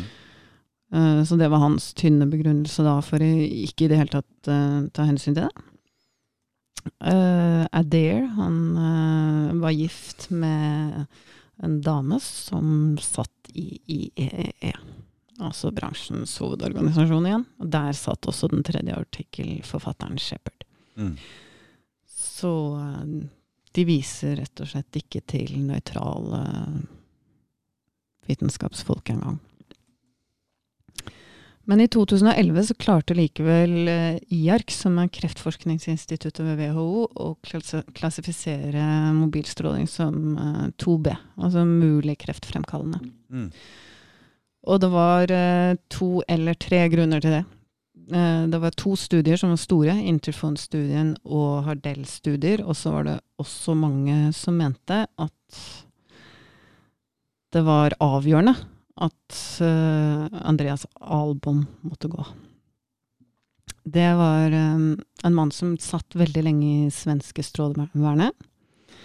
Måtte trekke seg der også til slutt, fordi at det ble avslørt at han hadde, han hadde sittet hele tiden i styret i brorens lobbyistfirma for mobilbransjen. Mm. Det ble avslørt, avslørt én uke før den der avgjørelsen, klassifiseringen, skulle tas av en gravende journalist som heter Mona Nilsson i Sverige. Mm. Mange mener at det gjorde utslaget. For at det ble For at det ble i hvert fall noe. Ja. Mm. Det er selvfølgelig mange som det er nå mange som mener at det er altfor lavt. Det burde Mm. vært i klasse 1A, kanskje. Rett og slett eh, kreftfremkallende, kort, kort og godt, liksom. Mm. Men eh, ja. Det er mye sånt spill. Det er mange som viser seg, ja, disse som uh, sitter høyt på strå og sier de ikke skal. Det viser seg ofte at de har mottatt Ikke, ikke- midler hele veien. ikke sånn at du kan tenke deg sjøl og prøve å gå imot mobiltelefoner nå. Mm. Hvordan i all verden skal du få til det med de kreftene som ligger bak der? Og, Ja. og, og det framskrittet og hele greia vi er inne i nå, nytter ikke å stoppe det. vet du. Nei, og så legger de jo ned Altså, grunnen til at jeg har mobiltelefon, er jo at eh, det er vanskelig å få uh, fasttelefon. De legger ned kobbernettet. Mm. Så ja. Pluss at jeg har flytta en del, altså det er liksom ikke Ja, nå skjer jo alt. Nå må du betale regninger. Må, alt Alt, mulig. Alt, ja. er på nettet, ikke sant? Ja, og det er en villet utvikling. Mm. Men jeg skal snakke om de to studiene som gjorde at det fikk kreftklasse 2B. De er litt interessante begge to. Mm. Interphone, det um, var en veldig stor studie finansiert av EU, WHO, halvparten av dem, og halvparten av mobilbransjen selv. Så da fikk vi det som heter industrivennlig forskning. Hele oppsettet var tydelig satt opp for egentlig å ikke finne noe resultat. Og det, noen eksempler på det var at de definerte en mobilbruker som en som har brukt mobilen minst en gang i uken i seks måneder. Det var en bruker. Mm. Det er ingenting i forhold til det vi bruker mobilen, ikke sant? Gjennom. Så hvis du sammenligner da egentlig Men det der var i 2011, ikke sant? Eller? eller? Det var vel i 2000 og Når var den studien? da? 2004, kanskje? 2000, jeg tror den kom ut i 2010. Startet i 2004, Mm. så vidt jeg husker. Ja. Men det betyr jo at gjerne kanskje den gruppen som går som ikke bruker det, kanskje har brukt eh, mobilen vel så mye eller mer Mm. som de som ble kategorisert som brukere, ikke sant. Mm. Uh, alle over 60 år var utelatt. Det er de som får mest hjernekreft. Dette var en Mm. studie på hjernekreft da, om dette kunne forårsake hjernekreft. Mm. Da tar man vekk over 60% av alle de som får hjernekreft i det hele tatt. Mm. Og resultatet var da egentlig faktisk at mobilen beskytter mot hjernekreft. Det fant de i alle land. Mm. Bortsett fra den tyngste gruppen. Den tyngste brukergruppen, selv om de hadde kriteriene så liksom på huet som de hadde, Mm. der fant de likevel en kreftrisiko på 40% hvis du har brukt eh, 40 høyere risiko for hjernekreft hvis du har brukt mobilen en halvtime hver dag i ni og et halvt år. Det har jeg eh, Ja, ikke sant? Eh, Jeg tror det er ganske mange som har det. Og det er jo på en måte ganske oppsiktsvekkende at de fant det med de kriteriene de hadde, men altså, her var jo kriteriet mye bruk. mm. Det førte til eh, stor uenighet i forskergruppen om de skulle eh, ta hensyn til det eller ikke. Men de som var eh, Og det, det var eh, flere i forskergruppen som var eh, industrivennlig innstilt. Dessverre. Det gikk seks år uten at eh, de klarte å komme fram til noen konklusjon, og til slutt så het det likevel i pressemeldingen at alt i alt så er ikke mobilstråling helseskadelig. og så holder vi kjeft om de 40 mm. Så jeg lagde en liten video om det, den finner du på min uh, YouTube-kanal. Har du egen YouTube-kanal? Jeg har egen video. Ja, ja. Ha! Jeg har en liten YouTube-kanal. Den kommer ikke så mye ut der nå, da. Men jeg lagde noen videoer om disse tingene her, hvor jeg liksom gikk løs på han Andreas Wahl, da, for han var jo i Folkeopplysningen og kalte Interphone-studien for verdens beste forskning. Å, jeg veit om noen andre som er sur på Andreas Wahl og Ja, Sissel Halmøy. Ja, ja, ja. Nei, han er ikke mye populær. eh. I hvert fall ikke i mine øyne. Men eh. Og så er det studiene til Lennart Hardell, da, som regnes som veldig grundige. Uh, 19 artikler der som WHO uh, uh, tok med i begrunnelsen sin. mm. Som viste bl.a. at hvis du har brukt en trådløs fasttelefon i over ti år, så har du 3,1 ganger større risiko for lymfekjertelkreft. Hvis du har brukt en smarttelefon over ti år Dette er da epidium, ja, epidemiologiske studier. hvor de liksom har en stor øh, gruppe og spør, spør dem om deres bruk av mobil og sånn. Hvis du har brukt eh, smarttelefonen i over ti år, så har du to ganger større risiko for testikkelkreft. Kanskje fordi folk stikker mobiltelefonen i lomma, ikke sant. Mm. Og du har to og en halv gang større risiko for hjernekreft på samme side som den du pleier å holde mobilen på. Så det er noe her.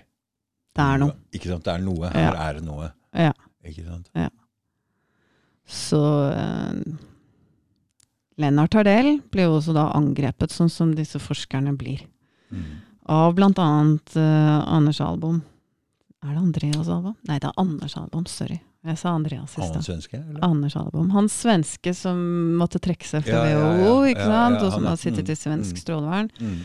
Han har da også deltatt i denne artikkelen som heter 'Forskere som prater tøv', og som rett og slett angriper Lennart Hardell. Du, det strålevernet um, Er det statens uh, strålevern? Mm. Den svenske statens Ja. strålevern? Mm. Masse folk fra IKNIP der. Og vår egen Lars Klebo, som alltid blir intervjuet i disse spørsmålene her og sier nei, det er ikke skadelig, det er ikke skadelig, han har jo vært eh, eh, under veiledning av en fra IKNIRP som sitter i svensk strålevern.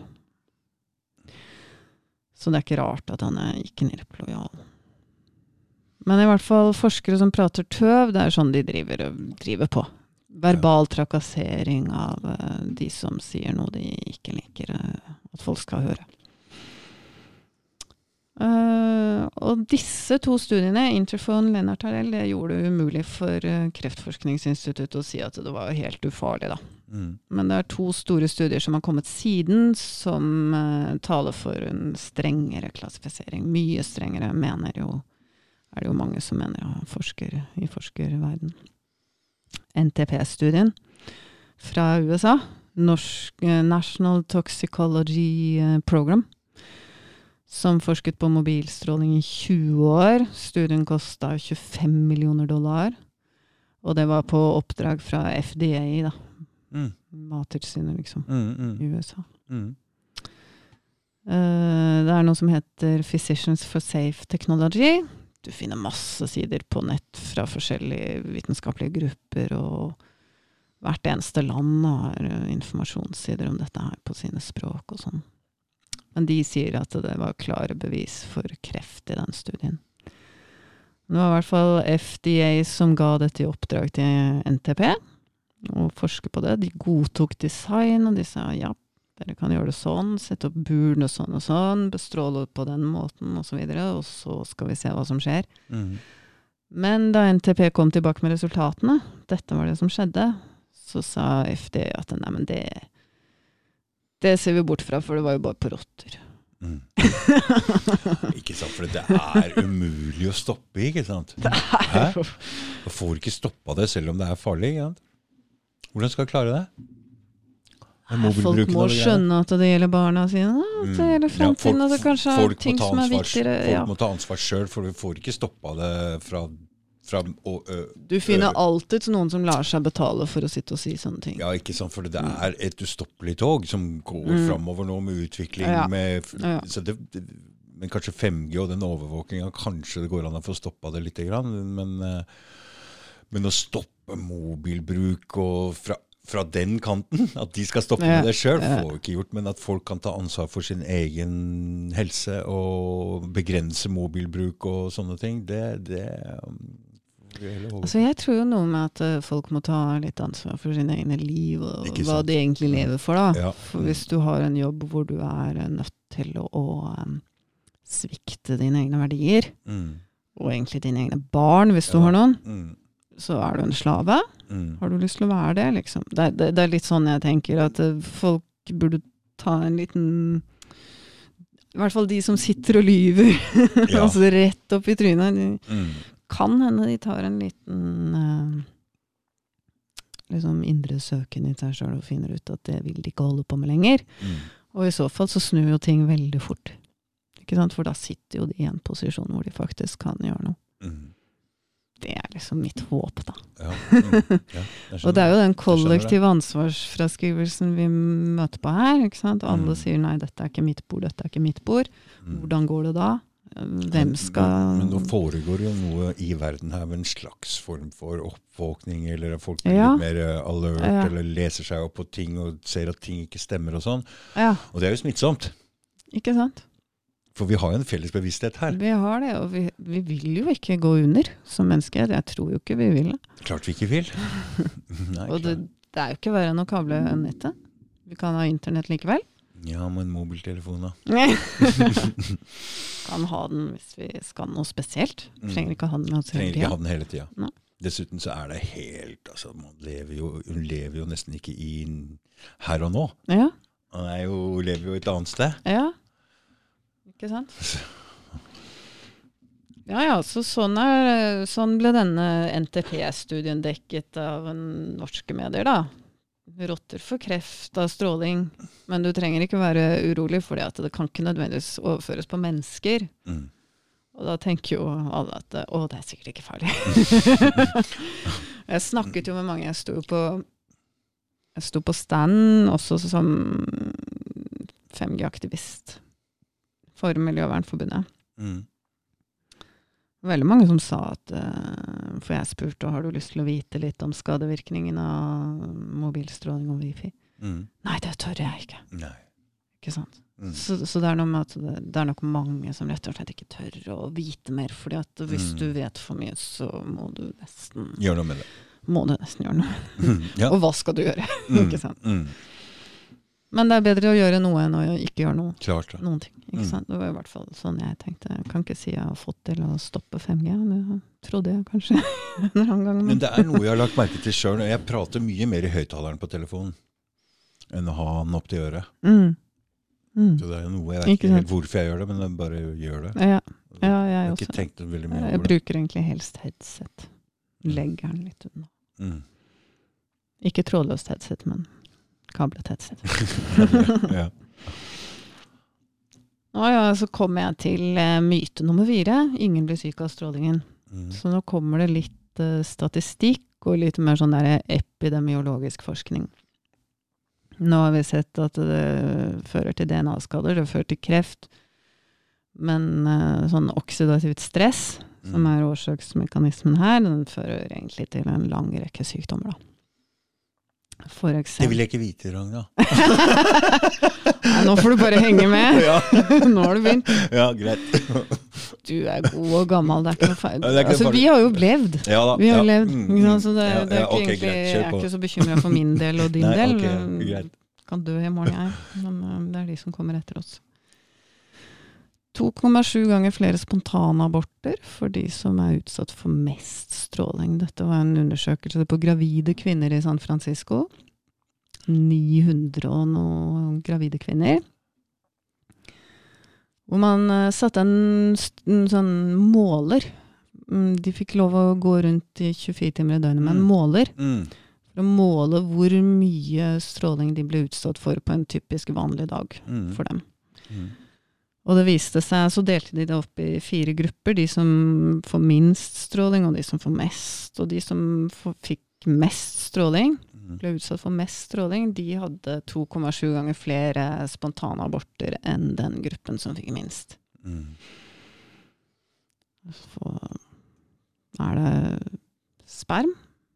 Det er mye forskning på det. Her burde jeg egentlig hatt en liste, føler jeg. For For jeg kunne kommet med en liste, men jeg fikk For her er det mange ting som får Mm. skylda for den spermgreiene. Det er mange, mange Ja, og det er mange Mm. årsaksfaktorer. Det Det, ikke skal jeg ikke Mm, mm. benekte. Nei, Mm. for det her har jeg hørt flere All plastikken greier Ja, ja. og, og ikke sant? Så det er Ja. mange Vi Det er ser mange jo det i ting. hormon, nå. Hormonhermerne og, I- i- Ikke sant? Nå ser vi det i Vesten nå, at uh, vi blir jo færre og færre her. Mm.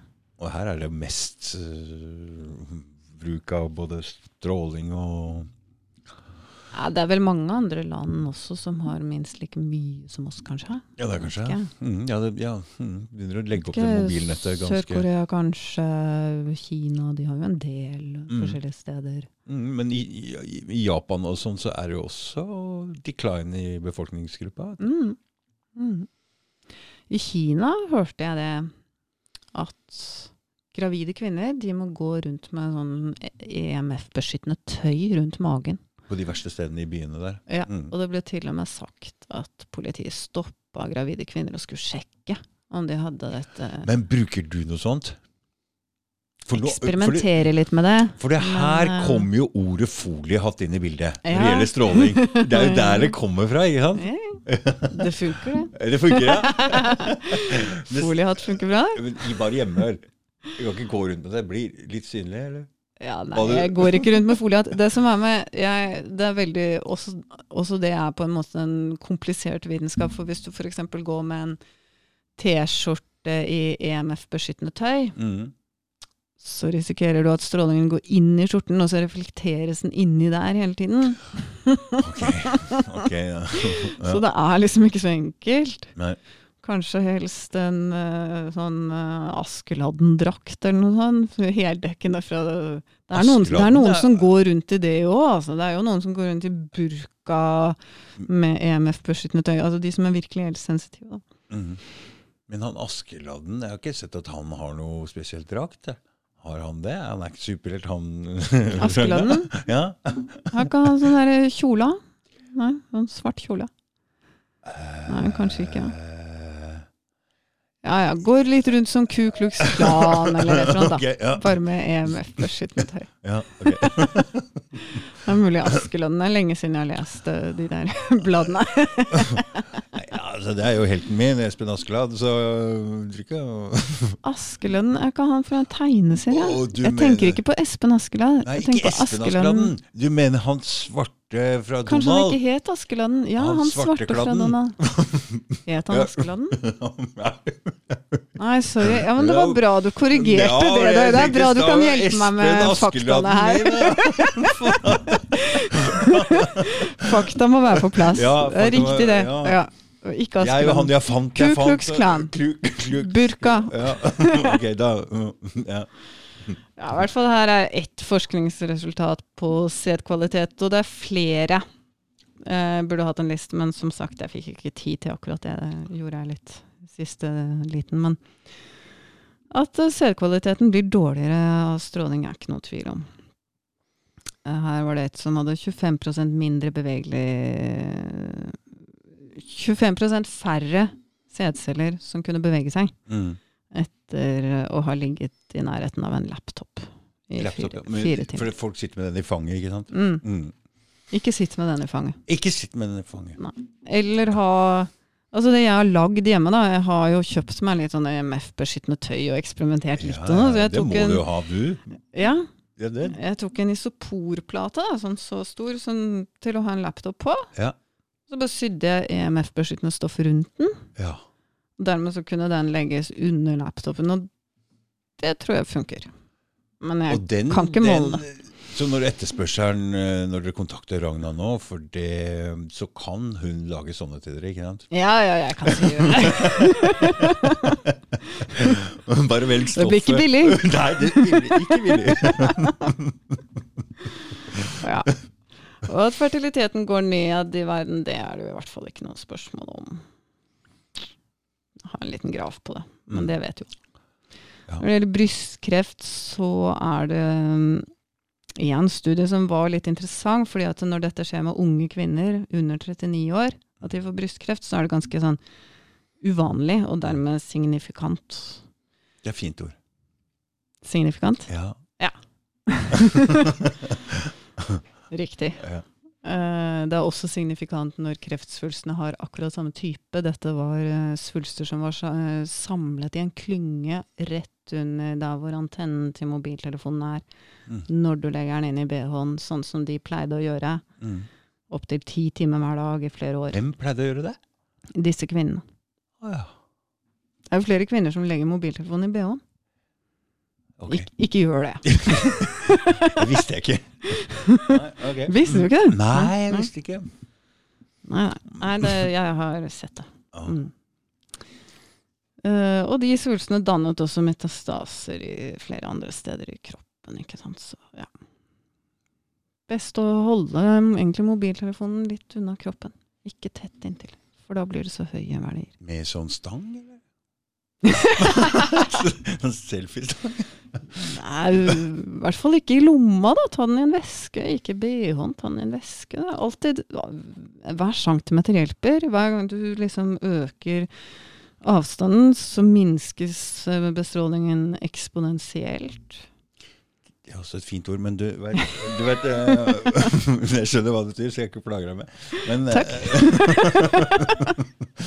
men eh, du veit, vi gutter ser så rare ut med væske. Å ja.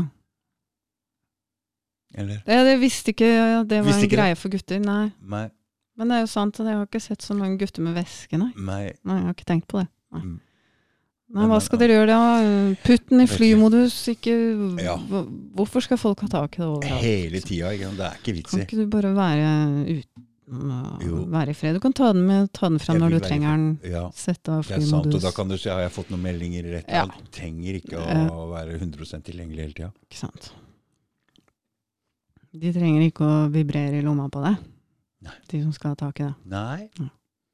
Trenger ikke. Så har vi litt sånn interessante ting som handler om hva som eh, skjer nær basestasjoner. Da. Det var en lege i Tyskland for noen år siden som gikk gjennom 1000 pasientjournaler. Og så på hvor de bodde, hvor senderne var, og hva slags sykdom de hadde hatt. Og han fant ut da at det var tre ganger så høy risiko for å få kreft hvis du bor innenfor 400 meter fra en mobilbasestasjon. Nå skjønner jeg hvorfor folk ikke vil vite om det her, da, for det er jo ikke lett å Ja, ikke sant. Og- sånn og på en måte, du kan tenke det er bare et tidsspørsmål før alle vet og verdien på disse husene nær mobilsenderen går drastisk ned, så kanskje Mm. Ta affære med en gang.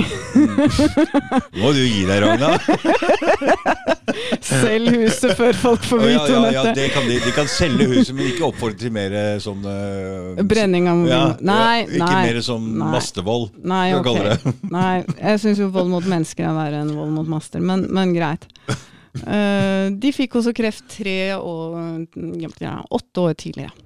Unnskyld. Åtte år tidligere enn de som bodde lenger fra. Eh, en annen studie, skal vi se, fra Israel. Omtrent det samme. Der hadde de tatt innenfor 350 meter fra mobilbasestasjonen og fant uh, fire ganger så stor uh, kreftforekomst som i resten av befolkningen. Og det fins flere studier på uh, som viser kreftrisiko fra mobilmaster og radiomaster. Her er en liten liste. Jeg vet ikke. Én, to, tre, fire, fem Ti stykker cirka. Ja. Som jeg klarte å samle. Men som sagt, det går helt sikkert an å finne flere. Så du har jobba litt med dette her, du nå? Jeg har jobba med det. Ja. Ja. Men jeg syns jo det er litt gøy, da. Mm. Mm. Så har du det som heter kreftklynger, som er altså et sted hvor veldig mange får kreft på samme sted. Mm. De tilfellene har skjedd et par steder i verden. Mm. Spesielt ikke sant, for det dukker opp én type kreft på ett sted. Så begynner du å lure på hva det er for noe. Ja, hvorfor får folk eh, kreft i dette rommet, Ja. eksempel? Ja. Så her lagde jeg én video som handlet om det, som dekket uh, ett tilfelle. En student i USA som døde av hjernekreft. Og så viste det seg at det var flere i samme bygning som fikk kreft. Mm. Men hva var det der? Nei, dette er en video jeg har lagd som ligger ute på min kanal. Da. Mm. Mm. Uh, kort video. Altså, jeg har lagd litt sånn for at folk skal kunne Mm. se litt sånn interessante ting.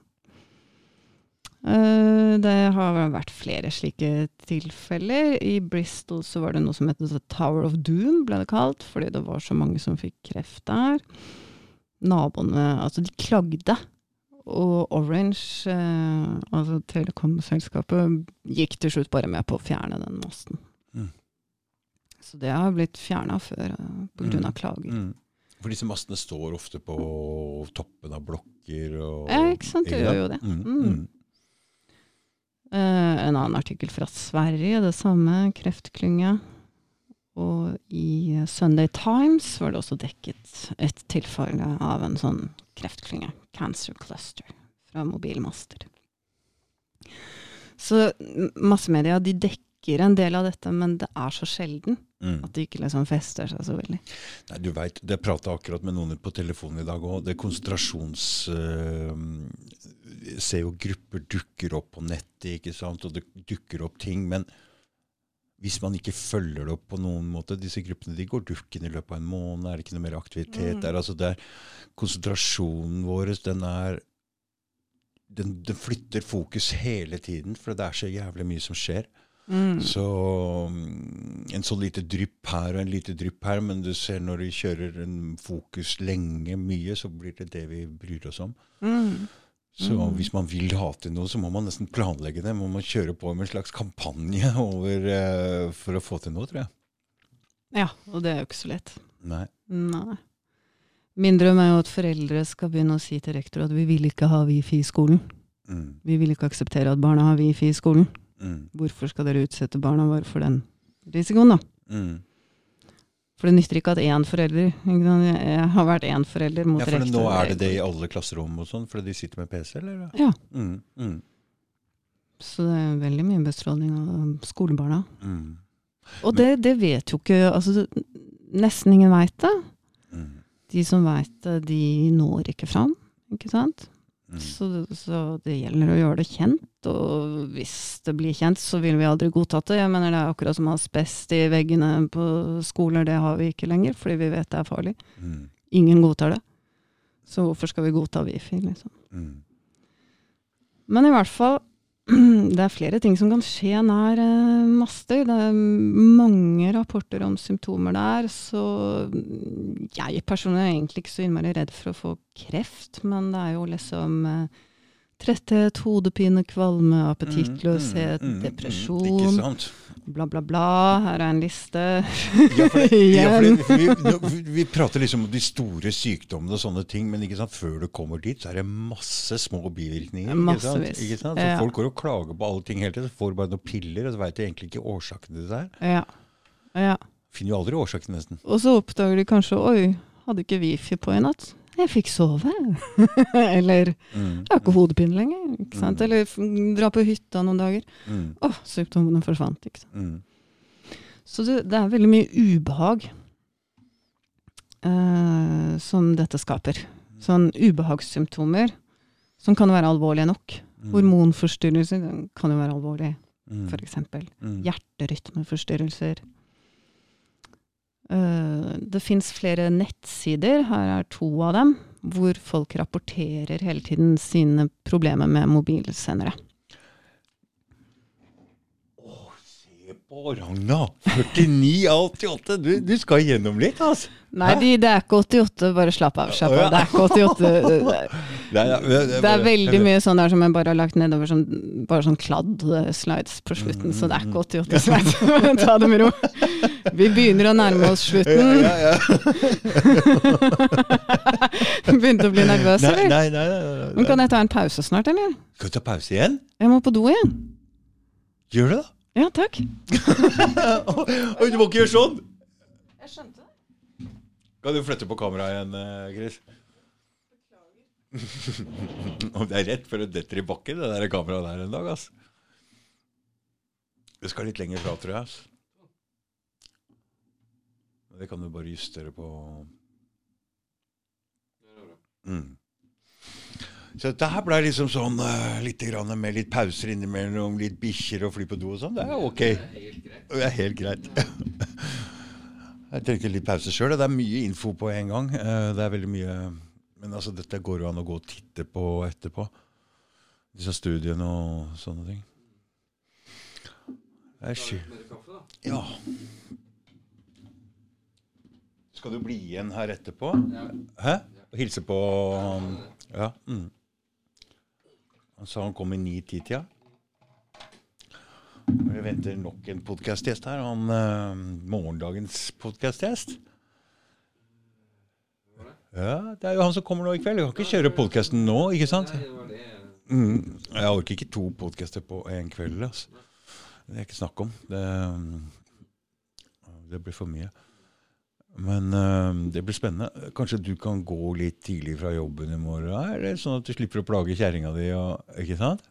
Du slipper han å eh, vi, vi, avtaler etterpå. Hæ? Faen, du må skaffe deg en mikrofon øh, å ha sjøl. Ja. Du har jo tatt med deg noen, men du skulle hatt et uh, stativ. Ja, jeg veit, men du kan ha et sånt uh, Du skulle skaffe et stativ som sitter for det bordet her. Du veit det andre stativet, det fungerer ikke. Ah, det gikk bra. Men det er rett før det der detter i gulvet en eller annen dag. Ja. Nei. Nye kameraet mitt òg, ikke sant? Skulle bare mangle. Det skal bli spennende å se om det er noe forskjell i kvalitet på hva vi legger ut nå i dag og ellers. For det er helt uh, nye kameraer her. Ja. Oh, jeg har endelig fått fiksa noen vanlige kameraer. Det er ikke videokameraer, det er vanlige sånne fotoapparater. Men altså, de måtte jo ha en sånn dummy-batteri, og det har vært mye rart. Altså, det er Det har vært en lang reise. Ja, men sånt er viktig. det er litt moroere å få det litt bedre og litt bedre. Prøve hele tida, da. Mm. Så starta her med to webkameraer som var helt ræva, og så har det vært en reise videokamera her og telefoner her og enda flere videokameraer, og nå er det fotoapparater. Mm. Så jeg har en sånn Jeg har ikke klart å selge noe av det, så jeg har en kasse full av kameraer. Til salgs. Altså, Til salgs? Ja. Som du skal kvitte deg med? Altså, jeg taper jo på alt jeg selger, så jeg pleier å donere dem bort. Ja, da taper du i hvert fall. Ja, men da kanskje jeg kan støtte en god Få er gjentjenester. Noen, støtte en god, noen som har lyst til å begynne med podkast sjøl. Sånn. Jeg sendte av gårde de to første webkameraene. Vær så god, bare ta de. Kanskje du har lyst til å begynne. Det er veldig lett å Ja. gjøre det her med podkast. Ja. Og trenger ikke alt det der surrete utstyret som jeg har her. Trenger egentlig bare en midtstativ mikrofon til 500 spenn du kan kjøpe på Finn. På, stå på bordet. Og så to sånne webkameraer. Og så et gratisprogram på PC-en. Mm. Så kan du gjøre akkurat det samme som du, så, som du var bak der og titta nå, med den boksen og det greiene. Trenger ikke alt det der. Så det er ikke så vanskelig. Det er bare å gjøre det. Kom igjen, folkens. Bare start opp. Ja, nei, når det gjelder dette med mobilsendere, så har jeg bare lyst til å si en liten ting til eh, holdt på å si opplysning. Uh, altså Hvis du har dårlig dekning Altså det er jo generelt fint å være langt unna en mobilsender. Mm, Men hvis du da sitter med mobiltelefonen din, mm. så vil den stråle sterkere når det er dårlig dekning. For å prøve å finne en sender, ja. Mm, mm. så bare liksom at eh, Ikke sant, jeg sier jo dette litt for at folk skal kunne beskytte seg på best mulig måte i den situasjonen de er i. Mm. Du, Ragnar, Ragna, jeg, ser deg ikke. Jeg Nei. Sånn, jeg får ikke sett deg når du snakker. Sånn, Det var bra. Ja, nei, jeg må jo synes. Ja, jeg har lyst til å se på deg. Ja. Ta deg. Sånn, da. Ja, sånn. Greit. Nå. Ja, fint. Nå, ja. Så litt statistikk igjen, liksom. Mm, mm, De mm. sier vi ikke blir syke, men diabetes er jo en global epidemi. Mm. Uh, har noen studier på det, og det er jo også forskning.no her som sier det. Ja, for nå får Diabetes. folk diabetes selv om de ikke er. Ikke sant? Ja. Det er en annen type diabetes. Ja. Mm. eh, I hvert fall ikke forårsaket Altså, det er jo ikke det at livsstilen vår har blitt så mye dårligere, så hva er det egentlig som har ført til denne diabetesepidemien, da? Mm. Uh, I Norge har vi også hatt en økning i diabetes de siste 15-20 årene. Mm. Ganske stor. Mm. Og uh, vi spiser da mindre sukker. Okay. I hvert fall uh, sukkerdrikkkonsumet har gått ned. Mm. Og jeg tror jo også vi spiser mindre sukker, for jeg har oppfattet det sånn at folk begynner å skjønne at det i hvert fall ikke er sunt. Mm. Mm. Så ja. Men ennå så går det oppover. Enda går det oppover. Og det er bare én ting som øker veldig veldig mye, og det er mobilbruk. Det er strålingen. ja. Mm. Mm. Ja, jeg har noen gode, gode altså Det er nok her til å Bra. Til å ja. Til å overbevise meg. Flott. Ja, ja, ja, det er det. Mm. Hyggelig. Mm. Søvnmangel også. Epidemiske tilstander på det. Kan jeg løfte den litt? Sånn? ok, ja, greit. Men, men bare, bare minn meg på at jeg må løfte meg, da. Ja, Ja. løft deg. Så syns jeg også. Syns jeg nå? Jeg, jeg veit ikke, du syns for meg? Jeg, jeg, jeg veit ikke med kamera og sånn. Han nikker. Ja. Ok, Så søvnmangel er også et globalt og voksende problem. Forbruket av sovemedisiner Ja, er- her i ja. Norge har gått Mm. veldig opp. Mm. CDC har erklært det som en offentlig helseepidemi. Mm. Public health epidemic. Det var kanskje en dårlig oversettelse. Her er noen studier på det som også omtaler søvnmangel som et kjempestort globalt problem. Så det er ikke sånn at vi ikke blir syke av stråling. I hvert fall med mindre denne søvnmangelen skyldes noe annet. Mm. Søvnmangel, det, det, det tror jeg på. Og ondartet hjernekreft blant barn. Hva er det som egentlig gjør at barn får hjernekreft, liksom? Eh, Det har steget med en halv til 0,7% per år siden 2008. Mm. Stiger og stiger. I Sverige, når det gjelder hjernesvulst, så ser vi en tredobling av dødsfall av hjernesvulst. Og jeg har sett på grafene, altså dette har jeg gjort bare ved å se på grafene sjøl, Mm. ser at økningen starter i 2008. Mm. Det var, det var så spesielt da. Eh, Det var ikke noe spesielt akkurat da, Nei? men når det er 2008, så mm, tenk ti år tilbake, for det tar ca. Ja. ti år å Mm. utvikle en hjernes... hjerne... eh, eller Ja. Altså, for et voksen menneske tar det minst ti år å ut, utvikle en kreftsvulst. Mm. Fra den begynner til den blir synlig. Ja. Så det var jo mobiltelefoni, da, Ja, å ja, det var ikke- 1998. Å, ja. Ja. Ja. ja. startet jo rundt omkring på den tida. Det har ikke vart mer enn et par og tjue år. Ikke? Nei, nei, nei. Men altså en del av disse eh, grafene jeg viser, de, de har ikke samme årstall alle sammen. Det er ikke sånn at alt starter på likt. Nei. Men det er heller ikke sånn at uh, alle organer og alle sykdommer angripes av det samme. Ikke sant? Angripes mest av det samme, samme typen stråling og sånn. Mm. Alt har jo økt av trådløst hele veien, helt til vi Mm. begynte med mobiltelefon i sånn 80-90-tallet. Mm. Den røde grafen her, den er dødsfall av hjernesvulst. Og den blå som går oppover, er millioner ringeminutter. Hvordan det øker i Sverige. Mm. Så du ser at eh, et, eh, på et visst tidspunkt så går dødsfallene kraftig opp. Mm. Etter hvert som antall ringeminutter eh, øker. Den ser litt lik ut, ja. Mm. Så har du Danmark. Dobling av antall menn med aggressiv hjernekreft eh, i løpet av ti år. Den nyheten kom ut i 2012 på sidene til Kreftens bekjempelse. Eh, og Hans Skovgård Paulsen, som var uh, overlege ved Rikshospitalet, sa at den utviklingen var veldig skremmende. Og at de ante ikke grunnen. Uh, for de som er redd for å få hjernesvulst, det er veldig få som får det, egentlig. Det er allerede bare noen promille Mm. Ja. som får hjernesvulst. Mm. Så mm, trenger kanskje ikke gå rundt og være redd for det hele tida, men det er ikke noe særlig hyggelig død. Hjernesvulst, så vidt jeg har skjønt. Men i hvert fall det som skjedde da, det var litt interessant. Fordi at uh, strålerådgiveren i Danmark, Kristoffer Johansen, Mm. han gikk ut og sa at dette var feil. Nei, det har ikke vært noen økning av hjernesvulst. Tull og tøys. Mm. Kreftens bekjempelse trakk pressemeldingen bare sånn i all stillhet. Ja. Og noen år senere så måtte Kristoffer Johansen, strålerådgiveren, gå av fordi at det viste seg at han var inhabil. Han har vært forsker i en stor studie som liksom skal vise at mobilstråling ikke forårsaker hjernekreft, som gikk over hele verden. Nyheten 'Mobiltelefoni beskytter mot hjernekreft', gikk det, jeg husker det. Mm. Han var en av forskerne der.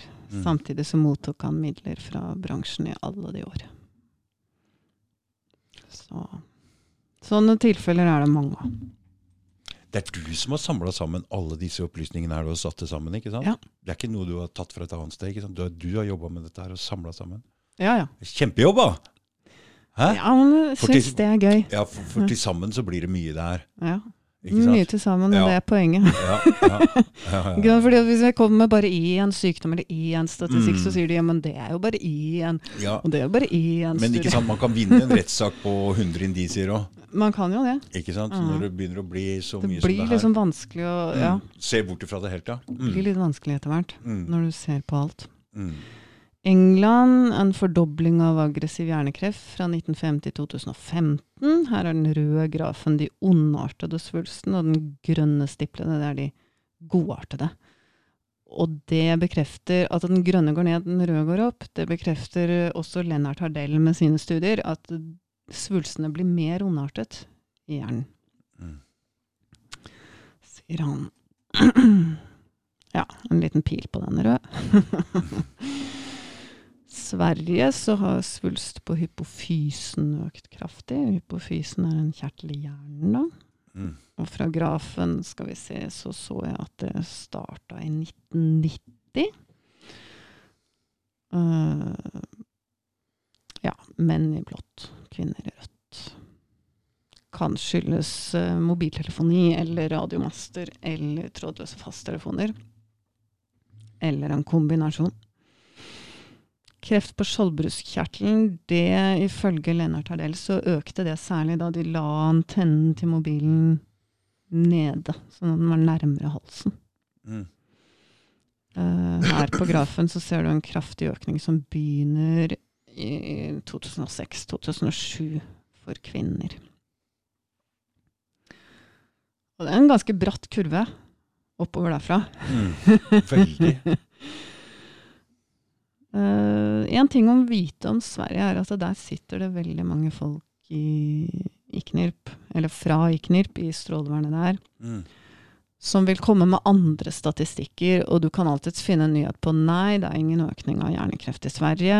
Mhm. Sverige øh, helt fri Hvordan kan man finne Hvorfor kan man finne hvor det? Fin, hvor, Ja, hvorfor? hvor- hvorfor? Ja. Mm. Fordi de selektivt velger dataene sine. Mm. Sånn at uh, dette er et felt hvor du hele tiden må ettersjekke, undersøke hvilke forskere sier det, hva Mm. sier mots, uh, motstandsforskerne, holdt på å si. Mm, mm? De mm, mm. kjemper mot hverandre hele tida. Hele Mm. tiden hvis det kommer en studie som viser f.eks. Um, at eh, kreft har økt, eh, så kommer de med en motstudie som viser nei, det har ikke økt, det har ikke Mm. økt. ikke Da må man gå inn og sjekke hva er dette, hvilke Hva folk de er dette, gjort? hva har de gjort? ikke sant? jo, Mm. hvilke Mm. ting tok de med i statistikken, hvilke ting tok de ikke med, osv. Så så man må virkelig egentlig sette seg inn og jobbe med dette ordentlig for å kunne Ja, hvis du først liksom skal argumentere, så får du liksom en del jobb Mm. med å sjekke ting. Mm. Frankrike så gikk eh, offentlig helsevesen ut med en nyhet i 2018 om at det var økning på fire ganger på 30 år av aggressiv hjernesvulst. Australia, et eksempel på det jeg nettopp sa. Her går eh, australske strålevernet som heter Arpanza ut med en nyhet om at det er ingen sammenheng Nei. mellom økningen av mobilstråling og hjernekreft. Ja. Og så har du en statistikk å vise fram på det. Mm. Men nå skal Ragna avsløre den. Nå skal jeg debunke den. Ja. Men det er det jo også forskere som har gjort for meg. ikke sant? ja, Alltid ja, forskere ja. som da Mm, liksom mm, mm. kaster seg på ballen. Få se hva de gjorde. Ja, få se. Uh, jo, de tok ikke med de som var uh, over 60 år. Ja. Mm. Og med en gang du tar bort den delen Så tar du bort en veldig stor gruppe. mm. Her er en statistikk fra England som viser aldersfordelingen på hjernekreft. Mm. Og du ser at uh, her på 60 år så skjer det noe. Mm. 63% av alle hjernekrefttilfeller er Mm, mm, over mm, 60. Så når du ikke får med den, så får du ikke noen økning i hjernekreft. Og det var det de ville ha.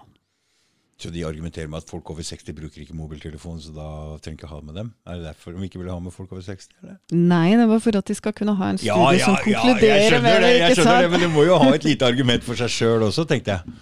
Ja, jo, de argumenterte med at de måtte gjøre det samme som de gjorde i Interphone-studien. Ja, riktig. Ikke sant? Mm, mm. Men det var jo en mye tidligere eh, studie som også, ikke sant det? Ja, Og da var det kanskje sånn at de over 60 ikke brukte så mye mobiltelefon, men nå bruker jo alle. Ja. men de over sant? 60 hadde jo brukt trådløs fasttelefon. Ja, ikke ja, sant? ikke, ikke sant? Mm.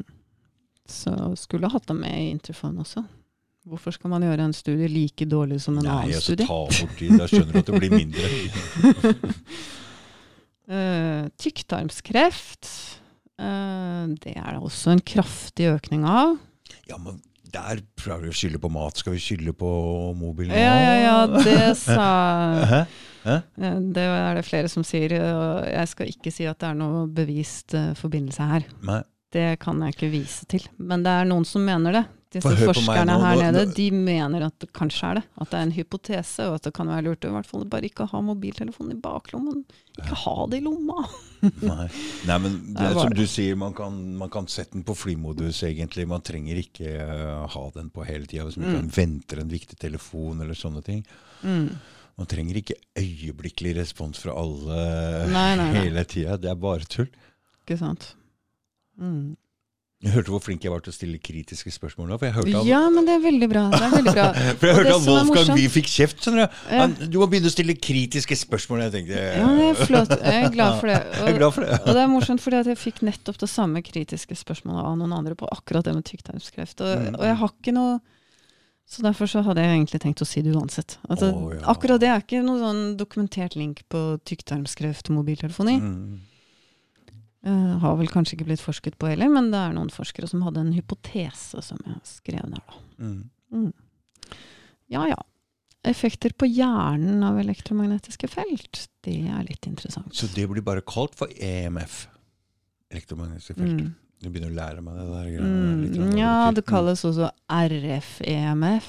Mm, Radiofrekvent elektromagnetisk felt. mm, RFR, altså kalles for litt flere forskjellige ting. Okay. Ja.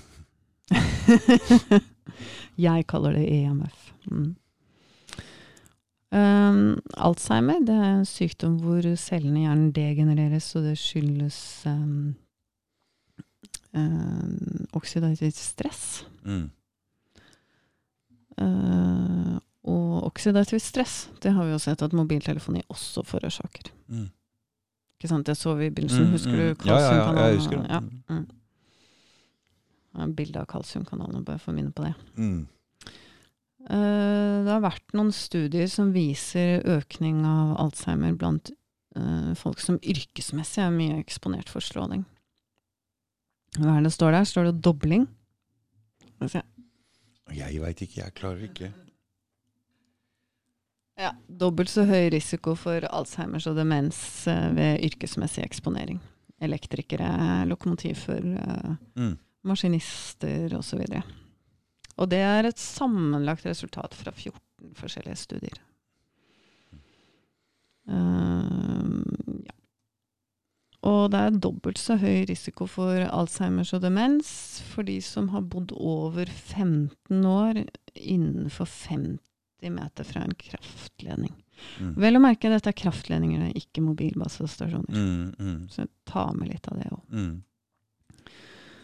Så innenfor en radius på 50 meter, dobbelt så høy sjanse for Alzheimers eller demens. Leif Salford han var en forsker i Sverige. Forsket på mus. Utsatte dem for mobilstråling, og han fant at to minutters eksponering er nok til å gjøre at eh, blod-hjerne-barrieren blir lekk. Og det er den biologiske barrieren som skal hindre gift i å trenge inn i hjernen. Så den blir lekk etter to minutters eksponering. Etter to timers eksponering så um, gir det hukommelsesproblemer i mus. Etter hvor lang tid? Ja, men hvor, To timer. Ja, men to timer i hvor uh, Ikke bare to timer og så ferdig? Altså to timer hver dag, eller to Godt spørsmål. Godt spørsmål! kan ikke bare være to en timer. liten detalj. Hæ?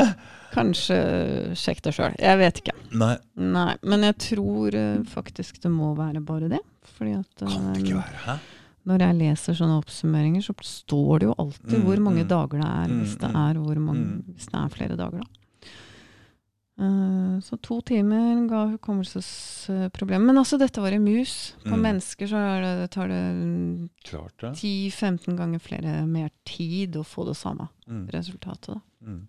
For da lurte jeg på om det er bare en sånn kort uh, hukommelsessvikt-greie som varer kanskje bare så og så lenge etterpå. Eller, det, Det kan godt være hende. en varig Det greie kan godt hende. timer. Altså, når du snakker om f.eks. DNA-skader, så glemte jeg å si at DNA, det, det, um, eh, det reparerer seg jo. Det gjør det. Ikke sant? Mm.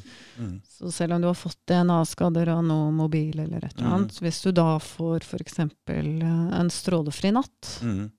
Så repareres det. Så fikser det seg sjøl igjen, da. Mm. Mm. For sånn er meste, kroppen. da. Sånn er kroppen. Mm, sånn er kroppen. Mm.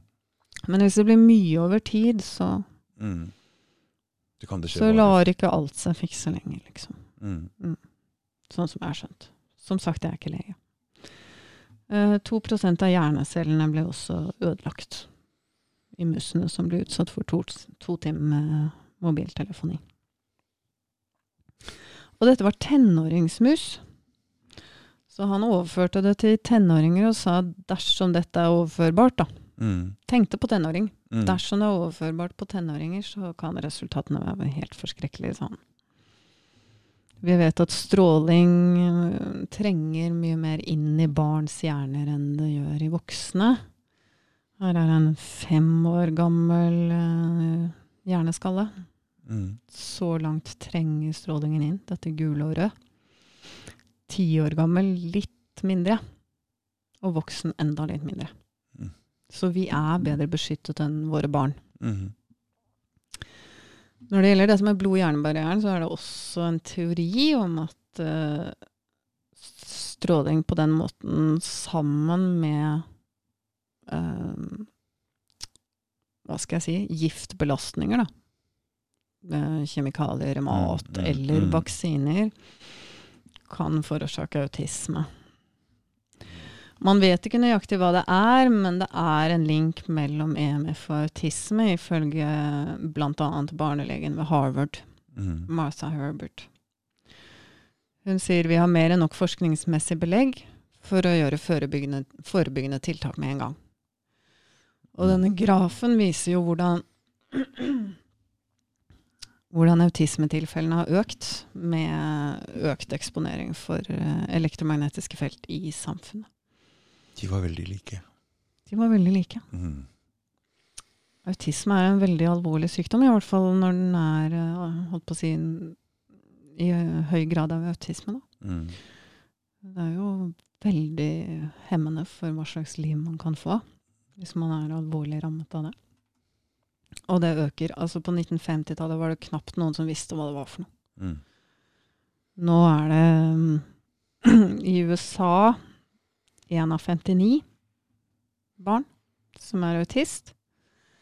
Hva er det for noe igjen der, når de ikke klarer å fungere språklig Ja, det er både språklig, sosialt um, Forstå sosiale koder, forstå humor. mm. Eh, alvorlig autist forstår ikke humor. Nei. Fungerer ikke ordentlig sosialt. Liksom vil alltid være utenfor. Vil aldri ha venner. Mm. Uh, de kan ha noen veldig spesielle evner, sånn som å huske, liksom. Altså, Mm. Du sier Ja, sånn, uh, mm. Sånn 7. Januar Mm. 1940, Mm. hvilken dag i uka var det? Mm. Så er det noen autismer, eh, autister som kan si det med en gang. Så det er en ganske spennende sykdom, egentlig. Ja. Men eh, det er eh, Eller sånn, det er jo interessant. Mm. Men eh, de har alvorlige problemer hvis de har alvorlig autisme. Mm. Men det Asperger-greiene, er det noe lignende det, eller? Du, det- du sånn, vet ikke om jeg tør å uttale meg så mye om dette, for for det er er bare- litt sånn, litt sånn derre spesialgreie, det også. Mm, Hvor det de er flinke til én ting tør, og ikke så flinke til ja. å snakke med folk. og Det er noen greier der òg. Mm. Ligner litt på autisme, kanskje bare en mildere grad, eller Ja, samme av det. Ja, Asperger forstår jo heller ikke humor, så vidt jeg har skjønt. Nei, det er det er mange mildere grader enn kanskje autist er en mye sterkere benevnelse på noe av det samme. Jeg vet ikke. Mm. Nå, nå har jo jeg lest en del om autisme i forbindelse med mat også. Mm. Kosthold og Mm. tarmbakterier. Mm. En veldig klar forbindelse der òg. Mm. Så øh, glad jeg husket å si det. Hvis ikke så Mm. høres det ut som jeg bare er opptatt av stråling. Mm. Jeg er ikke det, altså. Nei. Men uh, veldig dumt, da. Hvis øh, stråling er med på å forårsake det, og vi har uh, så høy stigning av autisme. Altså CDC sier jeg husker ikke om det var 2030 eller 2050, men det spiller for så vidt ingen rolle i denne sammenhengen. Da vil ett av to barn være autist, hvis denne utviklingen fortsetter. Ja. Ett av to barn, det, det, det har vi liksom bare ikke råd til å miste, tenker jeg. Men atferdsforstyrrelser, ADHD og sånn. Her er det en studie på 13 000 danske kvinner fra 2008, gravide danske kvinner, som viser at eh, hvis mammaen bruker mye mobiltelefon når hun er gravid, så eh, vil barnet få større sjanse for å utvikle atferdsforstyrrelser ved sju års alder. Og risikoen øker med økt bruk. Uh, I Russland så har de gått så langt som bare til rett og slett å fraråde gravide kvinner å bruke mobiltelefon. Og de har laget uh, disse advarseltegningene her. Ikke bruk mobiltelefonen hvis du er gravid. Så de elsker barna sine i Russland. Faktisk. Sier du noe fint om Russland her nå, Ragna? Fytti rakkeren. Og i Frankrike så har de forbudt wifi i skole og barnehage, da. Mm. Der elsker de også barna sine. Så ja da. Russiske forskere de fant at uh, på rottefostre så forstyrrer stråling uh, nervesystemets utvikling i helt kritiske stadier. Og det vil igjen på, påvirke deres oppførsel og psykiske helse seinere i livet. Eh, ja. Nå har jeg litt tekst til trøst jeg skrev. Trøstetekst, ja. Trøstetekst, ja. Det, det, trenger vi nå. Jeg syns vi trenger det. Ja, ja, det syns jeg. Absolutt. Det er jo ikke alltid man kan beskytte seg, så Nei, det er nei, ikke så nei, veldig hyggelig å høre om. Nei, I hvert fall ikke Mm, sånn. Høre, da. Melatonin kan Ja. være en lur idé å ta. Ok, ja, mm. Tilskudd av. Vi vet at stråling senker melatoninnivå, og vi vet at melatonin beskytter mot Alzheimer. Men du har med til meg, eller? Jeg har ikke med til det. Og dette produktet det er ikke ment som noe reklame, men det selges overalt i Norge, det der melatonin. Helsekosten. Mm. En annen ting som hjelper, er uh, mot Alzheimers. da. Ja. Extra virgin kokosolje. Forebygger. Spiser seg hver dag. Uh, sunt uh, uansett. Den, den der, den har jeg begynt å spise nå. Det er så bra. Jeg koker bare i den, jeg. Ja. Steker bare i den. Ja. Etter at han Sjur var her. Ja? Tåler den å varmes opp så mye? Mm, den, er sånn, den er sånn metta, Ok. Mm. så den blir ikke ødelagt. Mm. For nå har jeg hatt et sånt kurs med han der legen som var her. Han Ja, så bra. Umetta og flerumetta. Det er sånne Ja, så dårlige bra. forbindelser som ikke tåler å bli varma opp i hele tatt, og lager dårlig kolesterol. Ja, ja, ja, det er helt sant. Helt sant. Så, Så- det er en av de få Ja. mm, som man kan spise og som er mm. Så den har jeg akkurat begynt å kjøpe. Men jeg var på Rema nå, så var, kjøpte jeg den på, helt på seint på lørdagskvelden. Og så sto det at den kosta noen og 40. Og så kom jeg bort, og så kosta den over 70. Og så sa jeg Men det sto jo Og da slo den ned, men han sa kanskje at de, det var gamle priser som sto der borte. Så jeg lurer på om den har gått opp noe voldsomt i pris.